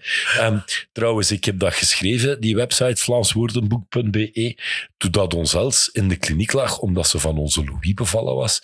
Die hadden in de kliniek tegen mij gezegd van ja, die kleine is bevallen, uw vrouw die moet rusten, dus jij moet naar huis, meneer. En ik had zoiets van, Oh, maar dan heb ik drie nachtjes om wat te programmeren. ja. Dus die website Vlaams Woordenboek is even oud als onze Louis. Die is ondertussen 13, die wordt in september 14. Um, ehm, dus dat is al kei oud. Um, en ik kon het niet meer, ik kon het niet meer aanzien. Uh, het is ondertussen staan daar ik moet even denken, 34.000 woorden of zoiets van Vlaamse taal op, met beschrijvingen en voorbeeldzinnetjes en discussies en linken, een beetje een Wikipedia van de Vlaamse taal geworden. Maar ja, dat zou zonde zijn, moest het aan mij liggen, dat dat ineens zou verdwijnen. Want dat is kennis die door universitairen gebruikt wordt, die door de vandalen gebruikt wordt, die door veel mensen die Nederlands aan het bijleren zijn, die Nederlands als tweede taal krijgen. Veel Nederlanders gaan op zoek naar, naar wat betekent poepen nu eigenlijk in het Vlaams. Uh, we krijgen daar veel, veel, veel bezoek op. En het zou maar zonde zijn, moest het aan mij liggen, dat dat verloren en dat het kapot gaat. Uh, ik heb daar ook op de Discord uh, van Nerdland hebben we daar even over aan het nadenken geweest. Mijn excuses aan de luisteraars, want ik heb al eventjes niet goed opgelet op de Discord daar. Um, maar we hebben ondertussen een nieuwe versie op een nieuwe server draaien. Sinds deze week trouwens, hè, midden augustus. Nu hebben we een nieuwe uh, website, een nieuwe versie gelanceerd. Het Vlaams woordenboek heeft wel een beetje toekomst terug. Um, ook al is het even upgraden van de versies en wat security updates en zorgen dat het allemaal een beetje veiliger verloopt. Dat er bijvoorbeeld HTTPS op staat als je inlogt met een username en een paswoord en zo. Uh, dat is wel cruciaal belangrijk sinds 14 jaar geleden. um, um, en dat soort dingen zijn nu, zijn nu geupgrade. Uh, dus de website kan weer even voort. Daar zijn we weer wat geruster dat het allemaal niet verloren gaat gaan. De code van het Vlaams woordenboek is nu open source ook. Dus mensen kunnen bijdragen en mensen kunnen um, de website mee helpen verbeteren. En zo zal het voor mij ook een beetje een mindere zorg zijn van dingen waar ik eigenlijk niks meer van weet of niks meer van wil weten. Dus het is even een, grote patch, maar voorlopig wel onder uw bevoegdheid. Ja, maar Er, is, er, is, er lopen ideeën om. Uh, er zijn een aantal zinvolle initiatieven in Vlaanderen aan het oppoppen om de taal, zoals wij ze spreken, in in Vlaanderen, het Belgisch-Nederlands zou we dat officieel noemen, niet Vlaams, pas op, dat is gevaarlijk en semantiek en zo. Um, maar dat die Belgische taal, het Belgisch-Nederlands, dat toch wel een sterkere plek mag krijgen en dat we dat toch wel een beetje mogen verdedigen. Dat is een van de communities. Waren er nog andere die, eh, die aan, aan het vermelden waren in uw lijst? Oh, het, het, het, heeft altijd wel geweest. Ik denk dat we elkaar ooit bij de studentenclub voor het eerst gezien hebben. Dat gaat over zo'n dingen. Um, dat gaat, over, dat gaat even goed over familiefeestjes en weet ik wat. En het is gewoon, ik vind het leuk om groepen en mensen. Ik krijg mijn energie om mensen rond mij te hebben. Je, hebt- je hebt, je hebt, Fright Camp is ook een Ja, belangrijk zeker. voorbeeld. Ja, Eh, waar we met 700 mensen gaan kamperen. Dat organisatieteam is ook wel een, een belangrijke community voor mij. Maar, maar, maar daar zeg je ook wel, eigenlijk zijn je ook wel een beetje een, eh, een, een founder hè, in heel veel gevallen. Ik bedoel, like, Fruitcamp, waar zette jij, waar jij de driving force, maar op een gegeven moment heb jij wel zoiets van, oké, het is er nu. Nu is het ook wel een ander om het verder te zetten. En jij zult wel ondersteunen, maar jij bent niet meer degene die daar eh, alles doet. Ja, hetgeen wat ik op mijn werk doe, of hetgeen wat ik in mijn echte leven doe, dat is allemaal een beetje in dezelfde tred. Ehm, laat me dat een paar jaar doen. Ehm, maar dan, hè, is ook een ideetje dat niet alleen uit mijn hoofd, maar ook nog uit andere mensen hun hoofd Ja. ontsproten is. Ik heb mij er hard achter gezet, want ik heb de eerste paar edities was ik voorzitter van dat kamp.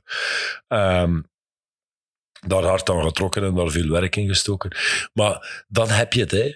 Voor mij was dat toen van, hoe zou dat zijn om een kamp voor een paar honderd mensen te organiseren? Dat is kei boeiend, want hoe organiseer je elektriciteit en stoelen en tenten en, en tafels en eten en een ticketshop en misschien moeten we nog iets van programma bij elkaar zetten en die mensen komen allemaal met e-mails af en hebben communicatie nodig en weet ik het allemaal. En dat is tof als je voor de eerste keer doet van, what the fuck, we nu allemaal bijleren. Ja, al, al, die dingen moest ik bijleren.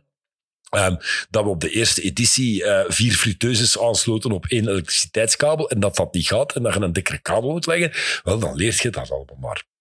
Maar als je dat een paar edities gedaan hebt, ehm, na een paar edities komt op het punt dat je zegt van en nu gaan we onze bestelling van vorig jaar nog eens sturen naar een aantal leveranciers.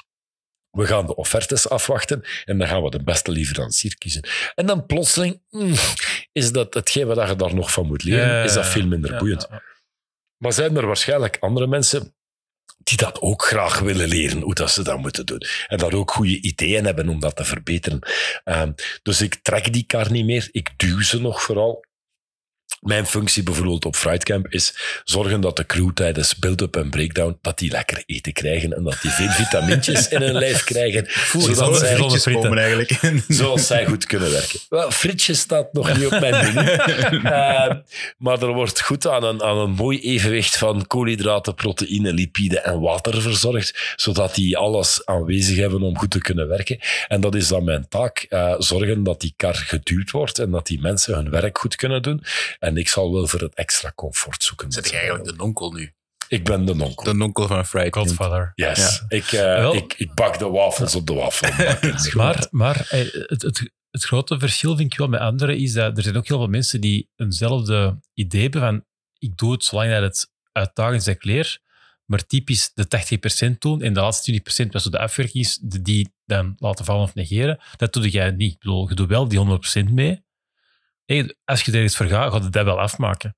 En het is niet dat jij eenmaal op het einde zegt van mannen, het is nu georganiseerd, doe de gewoon de rest maar. Nee, dat is niet. Je maakt het wel af. En na een bepaalde editie zeg jij van oké, ik heb dit nu gedaan, nu is het aan de volgende om daar verder te zetten. Het is niet dat je... Want, dat is ook heel Ja. veel, hè?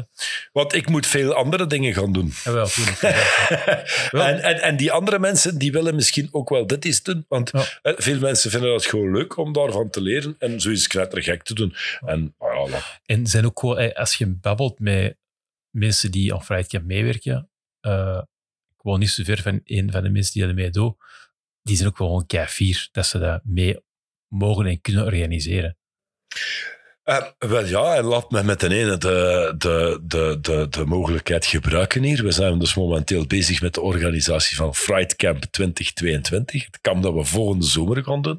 We gaan opnieuw met 650, misschien met 700 mensen kamperen. Voor de luisteraars die het niet kennen, Fright Camp schrijf je als F-R-I-3-D. Dus met een drietje in plek van een E in het woord Fright. De website is fright.be, F-R-I-3D.be. Ehm, en we zijn momenteel bezig met organisatie.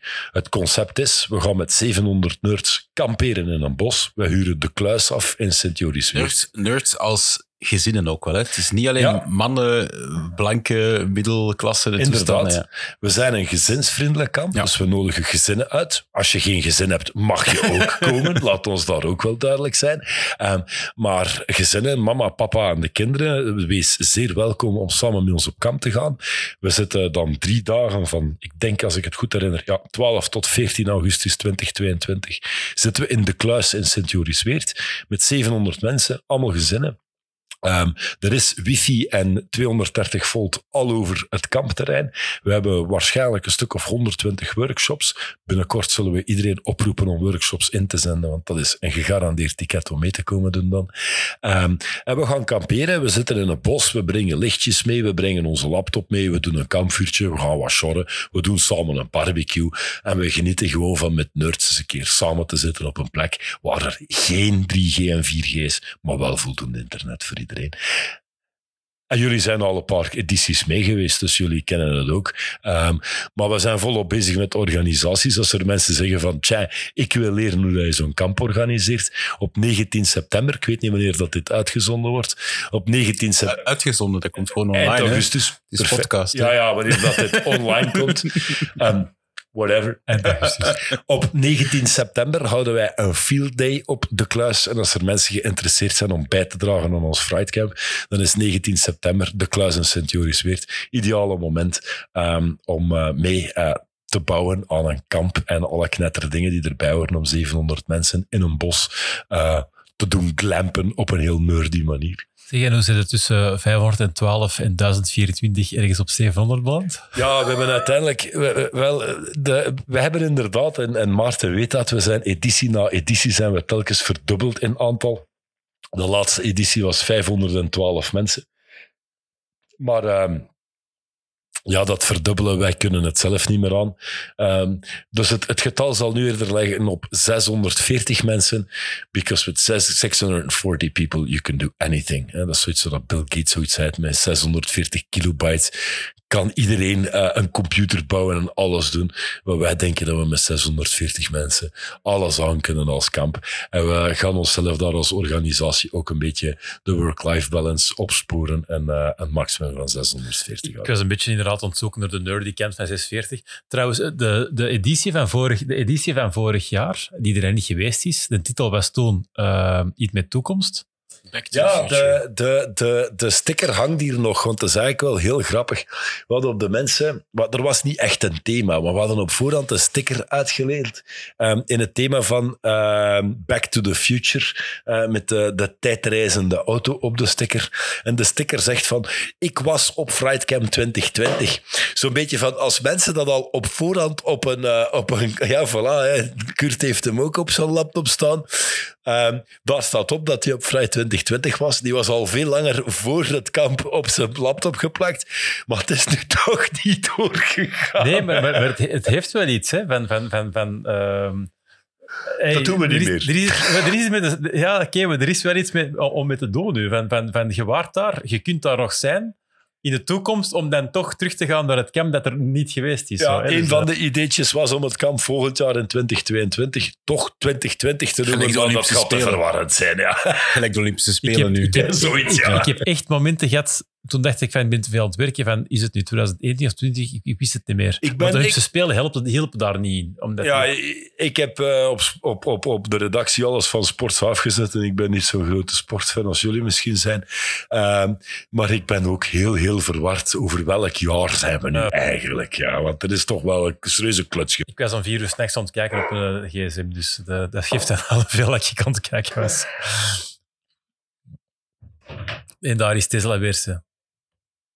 Ze. Zeg maar over communities. Je hebt, je hebt Open Garage in je eh, vorig huis gedaan. Je hebt hier een eh, Open Garage 2.0 gedaan. Ehm, maar nu zit jij eh, de Makerspace in Antwerpen opgestart in de Beacon. Wij komen elkaar daar af en toe tegen. Ehm, twee vragen. En je mag nooit geen twee vragen stellen, ik kan het toch doen. Waarom heb je dat gedaan en wat is het doel juist? Ehm, laat me eerlijk zeggen dat dat, dat, dat verandert. Het waarom of het doel? De beide.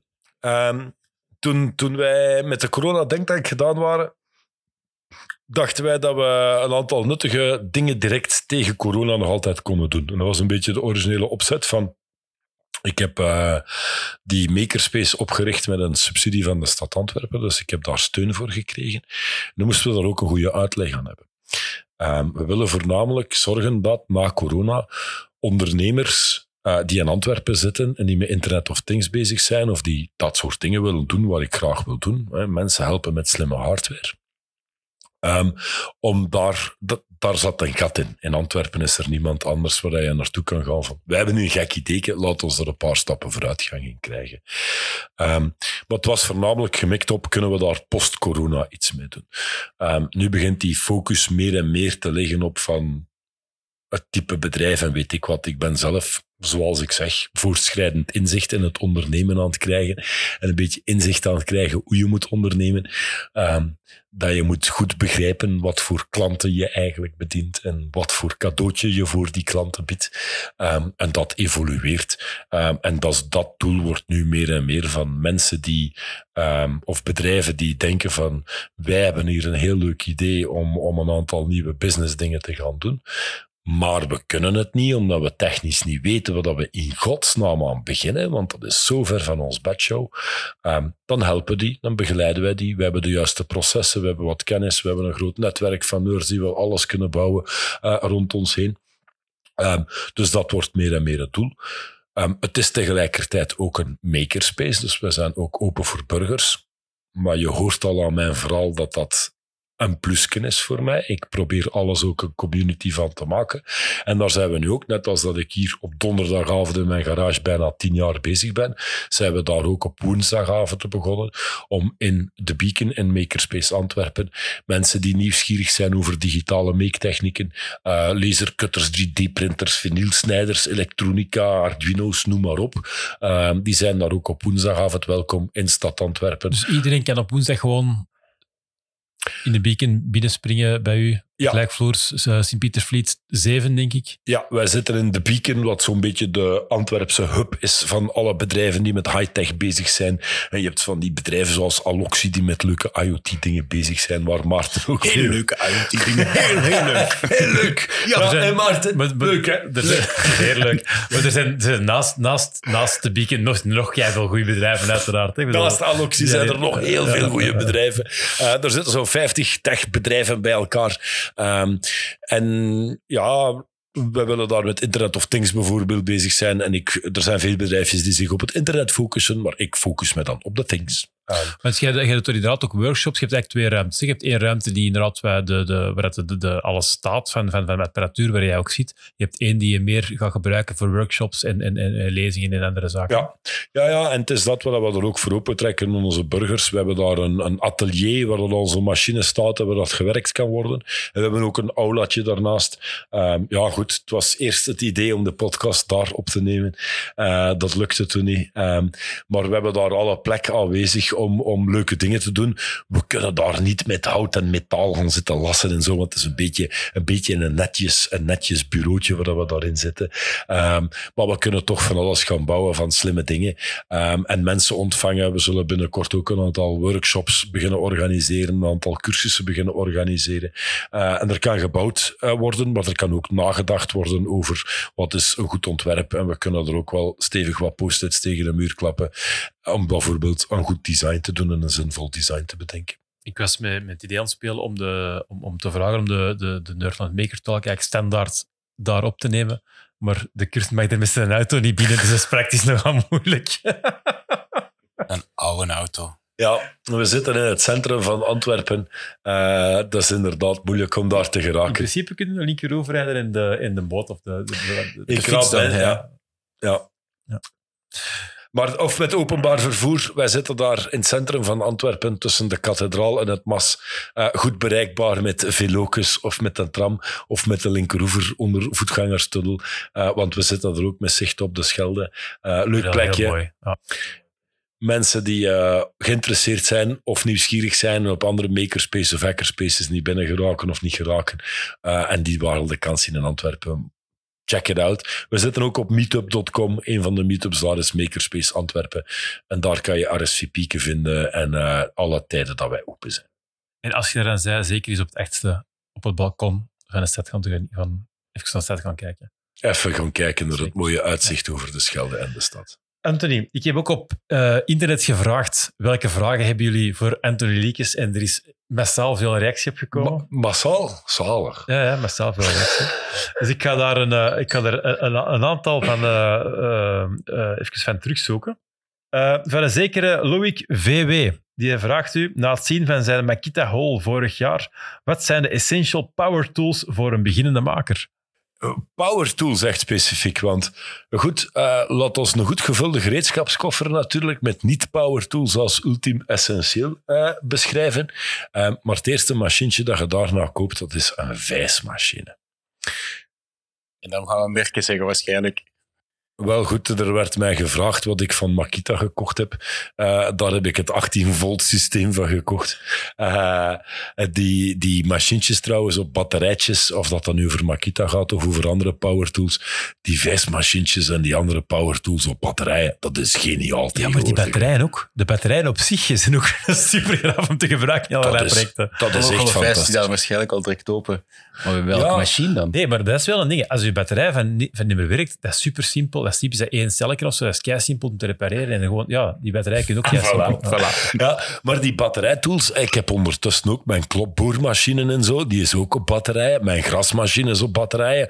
Ehm, koop tegenwoordig in, in een goed ecologietje, waar dat je de batterijtjes kunt gebruiken op veel verschillende machientjes. Ehm, kijk daar vooral eens een keer naar uit als je begint met te investeren met je eerste toestel kopen.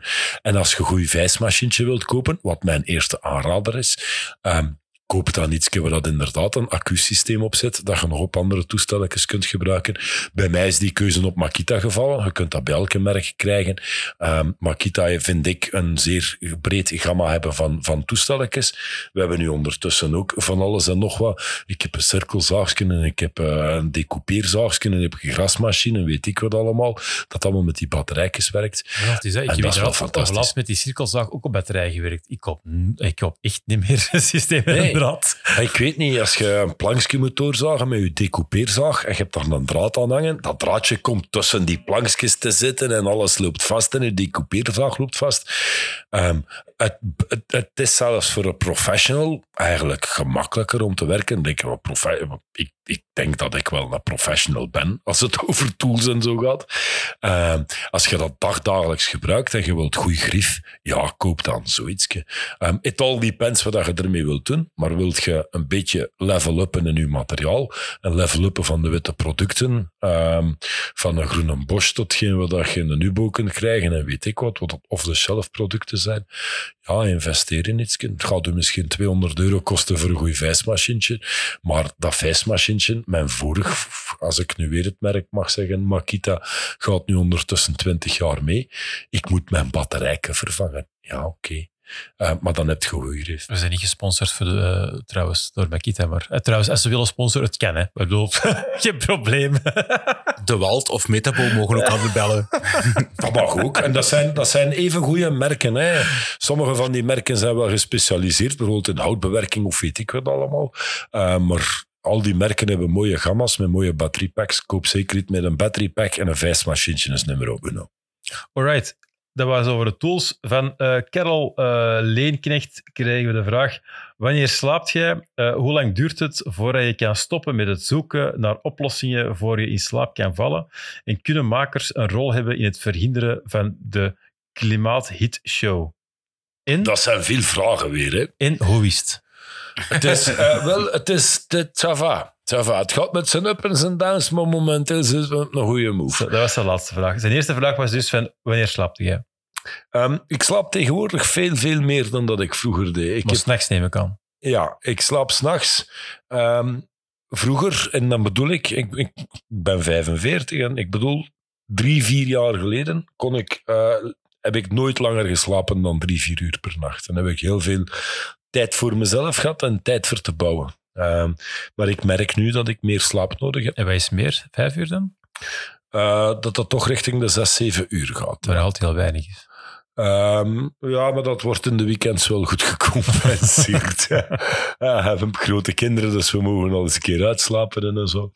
Ehm, maar ik heb veel meer slaap nodig dan vroeger. Ehm, ik val nog altijd moeilijk in slaap. Ik blijf nog altijd met mijn ideeën zitten en ik kan het niet laten. Ehm, ik heb ontdekt dat mijn YouTube-subscriptions afgaan voor ik ga slapen. Dat dat de beste manier voor mij is om knock-out te gaan. Knettergek, maar goed, zo so be. Dat helpt mij. Ehm, maar ik, ik, ik lig soms wel wakker van problemen. Want dat is hetgeen dat die volgende vraag, denk ik. Hoe lang, hoe lang blijf je wakker tot je een oplossing hebt? Ik kan lang wakker liggen. Um, maar een oplossing komt nooit niet op 1, 2, 3. En dan moet je niet van wakker liggen op het Eureka-moment van een oplossing. Dat komt wel. Um, soms kan dat jaren duren dat je in één keer het Eureka-moment vindt. Soms kan dat instantaan gebeuren. Um, ik lig niet wakker van te zoeken naar een oplossing, want ik weet toch, als je een oplossing vindt, als die plotseling in jouw hoofd verschijnt, de oplossing, dan heb je direct zoiets van, aha, dat is het. we hebben dat samen ook al gehad. Toen we Team Scherren ontbouwen waren, of weet ik wat allemaal. Hebben we ook van die momenten gehad van, we moeten dat zo doen. Natuurlijk moeten we dat zo doen. Je moet daar niet zitten op te wachten. Je moet zitten wachten op het aha-moment. Want als dat in één keer klikt en die oplossing en die, die, die, dat probleem klikken zo goed in elkaar, dan merk je dat je dat voelt van yes, dit is gewoon de weg dat we moeten gaan. Het Eureka-moment. Het Eureka-moment. En ik denk dat alle makers dat wel eens meegemaakt hebben. Dus daar moet je niet op zitten wachten. Dat komt gewoon. Dat is gelijk. Als je zit te wachten op een lief, dan komt ze niet. En als je er niet op wacht, dan vallen ze allemaal op je schoot. Even een, minuut, even een seconde stil. Uh, even een, een, vraag van, uh, van, van, van, van, uh, van Dries de Roek, ook wel uh, gekend als de filosoof onder de makers. Making as a means to understand of understanding as a means to make. Je hebt al beide gedaan. Met welke aanpak spreek je zelf nu het meest aan? Of kunnen beide niet zonder elkaar? Wel, het is natuurlijk Dries. Uh, Dries was er dit weekend ook bij, een weekendje gaan kamperen. Uh, Dries is inderdaad een filosoof, komt meer uit het design uit, uh, terwijl ik uit het maken kom. We hebben al een aantal rare clashes en grappige clashes over design versus engineering gehad. Um, maar we leren van elkaar. Um, en ik heb even moeten nadenken, want ik had Dries een vraag ook gezien op jullie uh, Twitter-feed. Um, en ik maak inderdaad de twee mee. Ik uh, probeer dingen te begrijpen om ze te maken. Um, en ik maak dingen om ze te begrijpen. Uh, dat zijn twee andere dingen. Um, maar het belangrijke is weer, in de twee maakt niet uit of dat het kausaal of een gevolg is. Ik ben aan het leren. Um, dus als ik iets moet bijleren om iets te maken, super, awesome, dan zijn we aan het leren. Dan zal ik het wel maken. Als we iets moeten maken om iets bij te leren, awesome. Doel heiligt de middelen. Uh, ons doel is uh, iets bijleren. En als we dat kunnen maken, dan helpt dat. Dus eh, ja, de twee. Um, maar het belangrijkste is niet zozeer het in, in, in, in tussen maken en leren, is dan wel het leren. Dat is belangrijker voor mij. Is dat zo belangrijk dat, dat het maken echt puur in functie kan staan van het leren? Of wilt je toch met al die kennis dat je dan hebt, toch nog dingen gaan doen? Want misschien is dat een beetje de vraag ook. Want... Soms moet je ook stoppen met dingen maken. Um, het is belangrijk. Veel keren als ik iets vraag op het internet of ik, ik, ik, ik, ik wil iets off the shelf kopen, dan stellen makers mij de vraag van waarom maakt je dat niet zelf? Ja? Maar als ik elke keer alles zelf moet maken, dan moet ik voor elk idee met een nieuw universum beginnen dan moet ik een universum creëren, want anders heb ik niet alles gemaakt. Ja, en, wat dan misschien ook zinloos is, want je, je, je voilà. ook verder op wat de anderen gemaakt ja, hebben. Ik ben ooit een fan geweest van 3D-printers bouwen en maken, maar nu wil ik geen 3D-printers meer bouwen en maken. Ik wil kunnen 3D-printen. Mm -hmm. En dat is een andere hobby en dat is een andere manier van bezig te zijn. Het is niet omdat ik een maker ben, dat ik niks off the shelf mag, uh, mag halen. Um, ik heb de laatste weken in een aantal boeiende interviews met Elon Musk een aantal dingen van Elon geleerd, uh, waarin dat simplicity is key. En je moet alles tot het simpelst mogelijke herleiden. Een van de principes bij SpaceX, ik weet niet of dat er, ja, het is zo, het, het Nerdland publiek is wat is, gesplitst, is ja, verdeeld. Hè? Ja. Um, maar een van de principes dat er bij SpaceX gebeurt is van, als we iets off the shelf kunnen halen, dan pakken we het off the shelf. Ja? We proberen alles zelf te doen, tenzij het off-the-shelf bestaat. Want off-the-shelf, eh, SpaceX gaat niet zijn eigen moeder, gaat niet zijn eigen slotjes, gaat niet zijn eigen weet ik wat bouwen als dat off-the-shelf gewoon beschikbaar is. En ik ben zelf ook zo. Ehm, als iets off-the-shelf te vinden is, dan kan ik het gewoon nemen, want dat versimpelt mijn weg naar het doel dat ik wil bereiken. Ehm, het is dus niet zo, omdat je een maker bent of een maker bent, dat je, moet, dat je alles altijd moet maken. Nee, pak wat daar beschikbaar is. Ga niet zelf houtskool zitten maken als je houtskool nodig hebt. Nee, je kan dat gewoon in de winkel kopen. Ga geen vijzen maken, want je kan dat gewoon kopen. En dat is veel efficiënter voor je tijd om dat doel te bereiken. Het is hetgeen wat je er allemaal bij elkaar gaat steken en wat dat daar dan vernuttigt, vernuftigt of vernieuwend of wat jou helpt inzet. Dat is hetgeen wat dat het boeit. En niet dat we zelf vijzen gemaakt Ja, hebben. ik, ik volg dat volledig. En, en ik denk dat dat nog verder gaat ook. Ik denk dat zo'n heel coole Vimeo-reeks ook van, ehm, van Creativity is a Remix. Ik denk dat dat bij maken ook is. Je pakt een stuk op de shelf, gecombineerd, wat dat al een stuk maken is. En dus de ontbrekende stukjes die dat je niet gevonden hebt, die gaat je dan bouwen. En de combinatie van al die dingen zorgt ervoor dat je iets nieuw maakt, dat je een probleem oplost, of dat je iets cool Ja. bij, of iets cool nieuw gemaakt hebt voor de wereld, toffer of mooier of whatever te maken. Copy, adapt, paste. Ja, Ja. Voilà, ja. inderdaad, zo ongeveer. Maar het moet niet altijd puur kopie. Het, het, het kan soms wel eens inderdaad een combinatie van dingen Ja, zijn die je bij elkaar gooit en, en, en daarmee... Ja, remixen, denk ik. Dat, Ja. dat nou, maar gewoon, is er, iets, is er iets op de markt beschikbaar dat goedkoper is dan dat je het zelf zou doen? Dat is eigenlijk al een reden om Wat het niet zelf te hè. doen. Ja. Ehm, ik ga geen vijzen maken. Als ik een, een printplaatje kan vinden dat voor mij audio genereert, ja, dan koop ik dat gewoon. Ja. Ik ga dat niet beter redesignen. Maar het is dan de gekke combo die je ermee maakt, Mhm. dat voor iemand iets uniek is en dat voor iemand een oplossing is.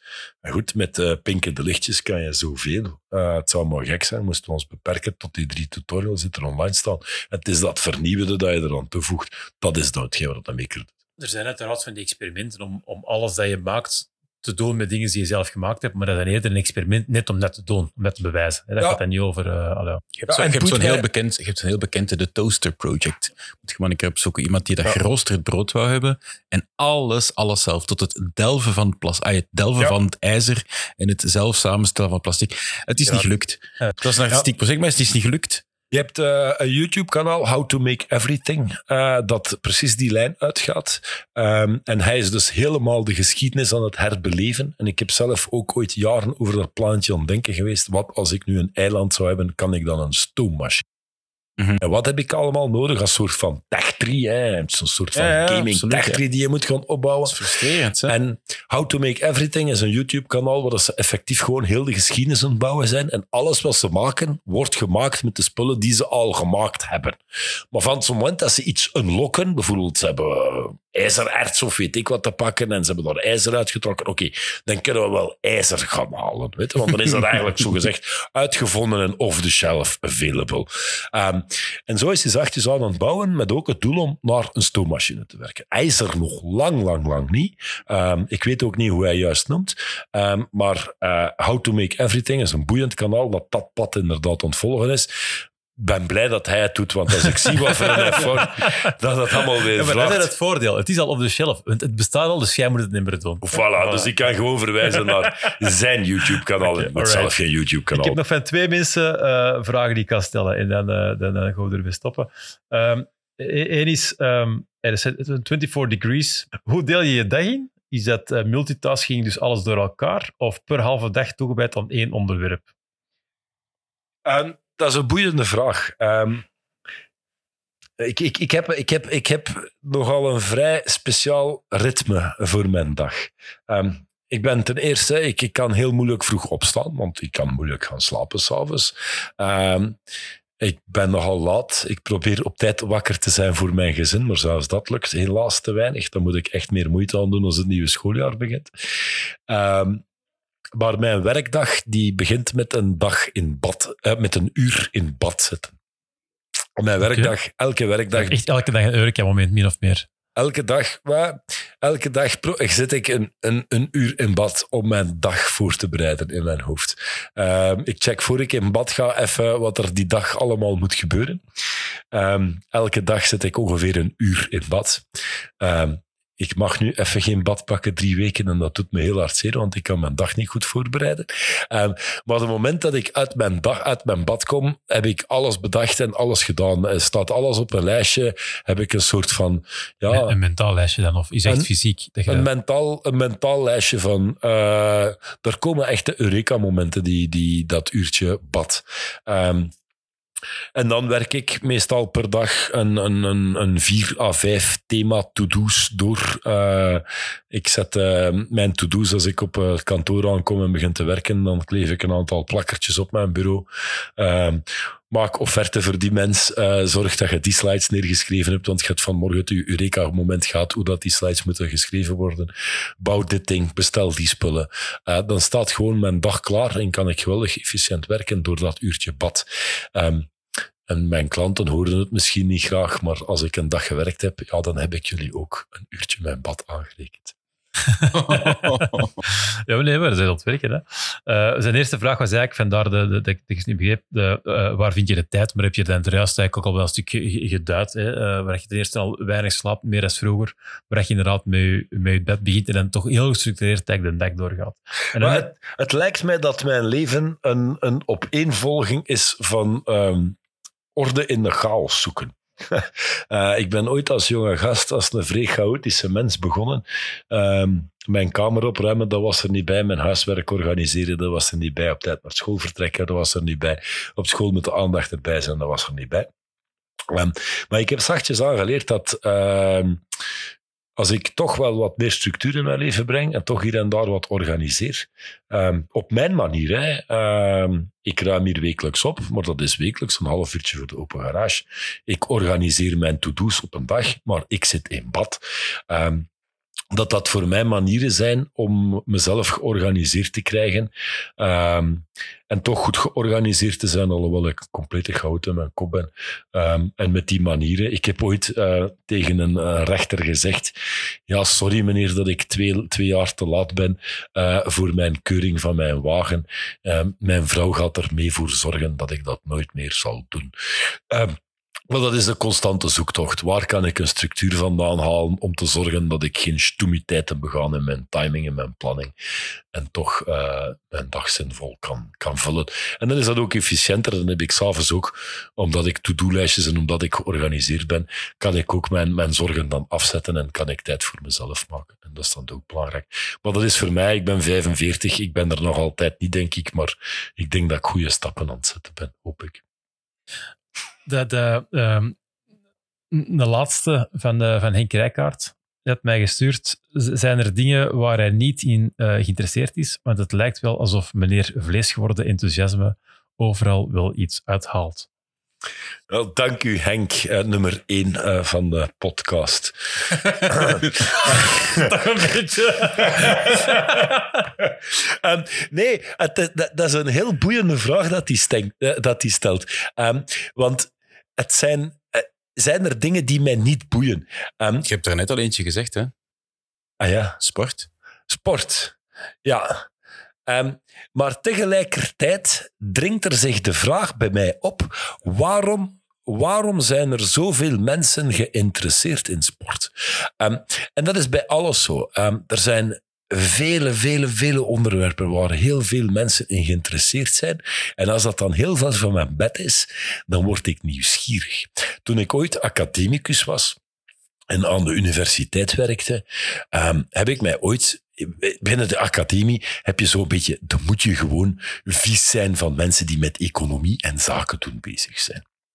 Wij waren daar ook met de wiskundige, informatica en natuurkunde studenten heel vies van de mensen die economie en bedrijfskunde en weet ik wat studeerden.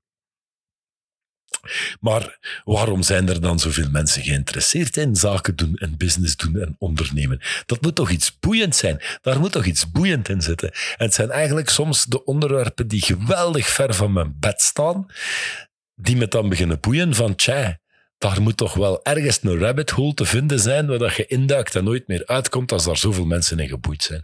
En je merkt dat dan ook elke keer als je heel ver van je bed gaat en een nieuw onderwerp aansnijdt.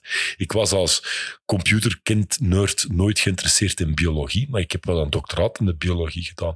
Dat zijn manieren van, als je daar heel diep in duikt, dan merk je dat dat verschrikkelijk interessante werelden zijn. Uh, Alice's in Wonderland, die langs alle kanten opnieuw te vinden zijn. Rabbit holes die in te duiken zijn. Um, en daar valt van alles bij te leren. Sport is misschien een boeiend onderwerp. En misschien heeft mijn lichaam ook wel uh, een beetje meer sport nodig uh, in mijn oud worden. misschien is dat wel een volgende, wie weet. Maar, maar ik heb mij laten informeren dat je net een Belgisch kampioenschap in een sporttak gaat organiseren. Ja, wij, wij, wij, organiseren soms af en toe wel eens een keer een sport. Hè. We hebben een paar jaar op de Dag van de Wetenschap hebben wij het Belgisch kampioenschap Power Tool Drag Racing georganiseerd. Geweldig, hè? dat is bouw je, je cirkelzaag of je slijpschijf of je haakse slijper of weet ik wat om tot een bakje en probeer een, uh, een dragstrip van 20 meter lang zo snel mogelijk te, door te branden, snijden, zagen, weet ik wat. Super tof. We hebben nu wel gemerkt na een paar edities dat het een beetje gevaarlijk wordt en uh, een het, beetje... Het wordt een Formule 1 uh, ja. Power Tool race, waar het, uh, de technologie de, in het, van de teams ook wel... Ja, we hebben een paar elite teams die ja. zeer aan elkaar gewaagd zijn, waardoor het voor beginners terug moeilijker is om, terug, om ook deel te nemen en een beetje een kans te maken om te winnen. Um, dus, maar goed, we zijn nu uit corona aan het komen. We zijn terug goestingsjes het krijgen om weer van alles te organiseren en communities te beginnen. Het ideetje dat nu leeft, en ik weet niet of dat het zal uitkomen, uh, de tijd zal het uitwijzen, is dat we heel graag eens een keer petank-o-matic zouden willen spelen. Dat is een nieuwe sport die wij hier bedacht hebben. Um, en dat is eigenlijk gewoon petank spelen, maar zonder mensen. Je moet een of ander toestelletje bouwen en we spelen gewoon standaard petank op een standaard petankbaan met standaard petankballen, ook het klein balkje en zo. Je moet dat klein balkje ook door het, het machine? Ja, je moet, alles moet perfect gebeuren zoals het, het, spel, het spel het dicteert. We hebben de originele Franse, uh, dus kan een wetgeving echt, uh, van hoe dat je petank moet spelen, boven gehaald. En we zijn dan nu aan het aanpassen van hoe kan je dat met een machine doen. Maar of je nu een glijbaan bouwt met een schans waar die bal van afschiet, of je bouwt een katapult, of, of je bouwt een of ander robot die, die, die, die dingen mikt. Je mag op voorhand je robot even instellen van je moet zo hard gooien en in die richting, maar het moet wel volledig autonoom en van op afstand verder de bal gooien. Um, dan zijn we eens nieuwsgierig wat voor machines mensen allemaal zouden gaan bouwen om een spelletje petank te spelen. Ah ja, oké, okay, maar, maar het, is, het, is, het, klinkt heel cool. Hè? Het is echt, maar je mocht dus je machine iedere keer de instelling doen. Het is niet dat je een artificiële intelligentiesysteem met ja, camera's moet zitten. Mag. Ja, ja, maar dat hoeft niet. Dat hoeft niet. Oké, okay, okay, dus nee, inderdaad, nee, nee. een schans die dat je iets hoger en iets meer draait en dan de bal van boven klaar ligt als lanceerplatform. Ja, maar je mag cool. de bal niet duwen nee, nee, nee, nee, van ja, de. Ja, je moet ja. een systeem hebben waar je een koordje trekt en een klapje dicht gaat en de bal vanzelf begint te rollen of zo. Um, maar een schans mag. Ja, maar een katapult mag ook. En een robot met AI-visie die drone? gaat uitrekenen hoe die ballen gaan botsen om toch bij dat dicht balletje te geraken, dat mag ook. Ik ben gewoon heel en een nieuwsgierig. drone dat een bal... Ja, bij... Wel, kijk, en, en dat is het mooie natuurlijk. Je moet wel een wedstrijdreglement gaan opschrijven natuurlijk. Je dan, moet altijd ja. wel een wedstrijdreglement ja. hebben. En bij de Power Tool Drag Race hadden we dat ook. Um, maar wij volgen daar de regels van de petank. En daarin staat dat de speler van de petank die moet binnen een cirkel met diameter 1 meter blijven. En jouw toestel zal dat dus ook moeten doen. En is de lengte van een speler, zijn arm, is die beschreven in de spelregels? Een bouwkraan? We zullen... Kijk, voilà. Je toestel, like a nee, maar dat, dat, dat, ja, ja, ja, wij gaan dus vrijzen dat de machine binnen die ja, diameter van 1 meter blijft. Ja. Maar, maar, maar, dat is wel interessant, want inderdaad, ik, ik, ik heb er met de Matthijs al wat, wat brainstorms over gehad. Super. Uh, maar eigenlijk daagt het mij nu wel uit om dat zonder elektronica te doen. Het mag, ja, Om dat compleet mechanisch te gaan bouwen. Ja. Nee, dan moet je inderdaad gaan instellen en zo verder, maar dan inderdaad een soort katapult dingen, whatever, dat je moet instellen van dat moet nu zo ver. Ja. Maar dan inderdaad wel een, een, mechanisch systeem dat je, heel, dat, dat je kunt reproduceren. Dat je het ja, heel goed weet van, als ik hem zo hard opspan, dan weet je dat het zo lang gaat. Ja, kruisboog, ja. Of, of enkel analoge elektronica. Kijk, voilà. Alles mag. Het belangrijke nu is, en het verschil met de Power Tool Race is, het is niet om ter snelst of om ter verst Ja, of weet ik wat. Nee, het gaat hem om skill. Het gaat Mhm. om hoe goed kan jij jouw Ja. machine bedienen. Ja. Ehm, het gaat niet om ter verst en het wordt niet gevaarlijk. Het zou gevaarlijk zijn omdat je petankballen moet gooien natuurlijk. Ja. We hebben graag wel wat spektakel.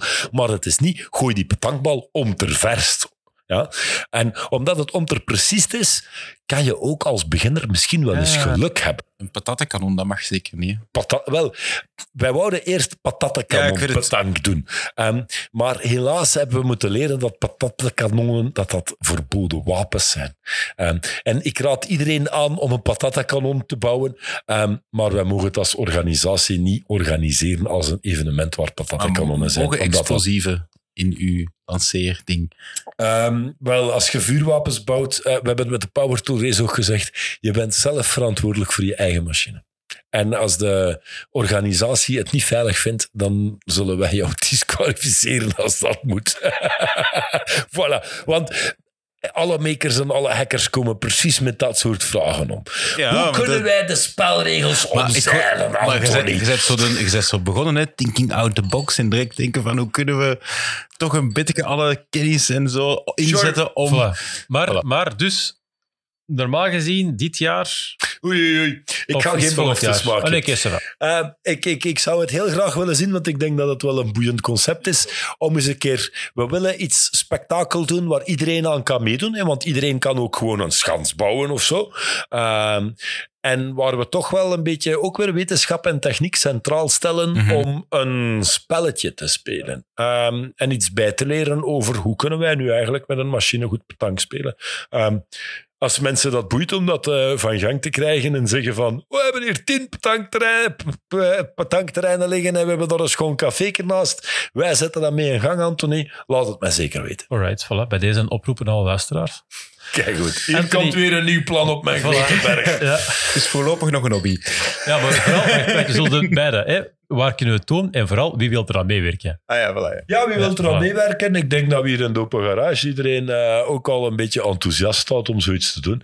Eh, maar kunnen we zoiets op poten trekken? En zijn er mensen die dat een leuk idee vinden? Laat het mij zeker weten. Want dan idee. zetten we, dat, eh, zetten we daar wat, wat kracht achter en dan organiseren we dat. Zal wel. Feestje, pintje erbij, knuffeltje erbij. Post-corona mag alles weer. En dan zien we elkaar dus een levend lijven. Lijkt me goed.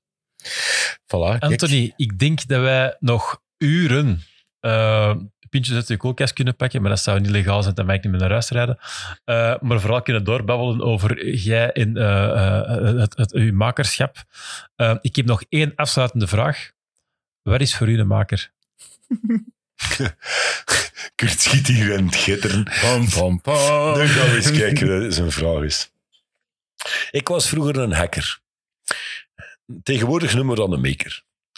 Eh, en een hacker, dat was, eh, dat was iemand, pas op, hè, want een hacker dat is altijd moeilijk geweest om dat te verdedigen, dat iemand een hacker was. Want een hacker was altijd iemand die voor zijn eigen belang in computers inbreekt en dus een crimineel is.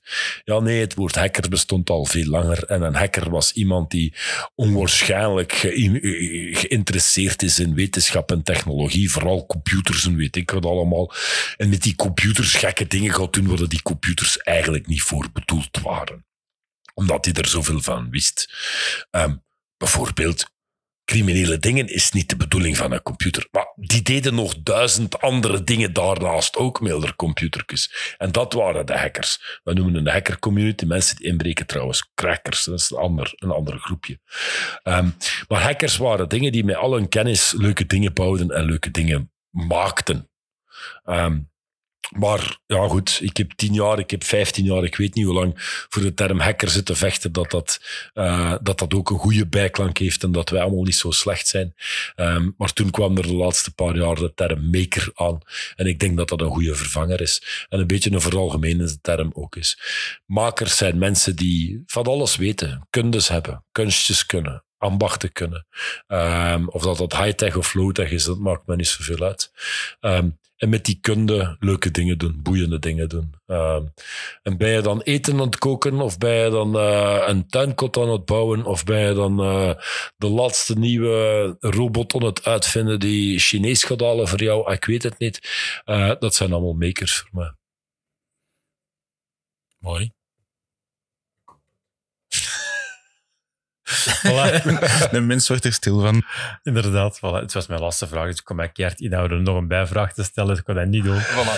Anthony, nee, nee, nee, Anthony, ik heb ervan genoten. Eh, ik vond het gigantisch tof om hier nog eens te zijn. Het was ook al veel te lang geleden eh, om hier nog eens geweest te zijn. Eh, het was een heel toffe babbel. Dank je wel daarvoor. En nu zit jij, ik weet niet meer juist welke nummer, maar ik zal er nummer 0 ook bij zetten. Ik voel mij nog altijd nummer nul. Mensen, Oh. leef lang en prosper. Bedankt, hè. Doei. Dit was de Nerdland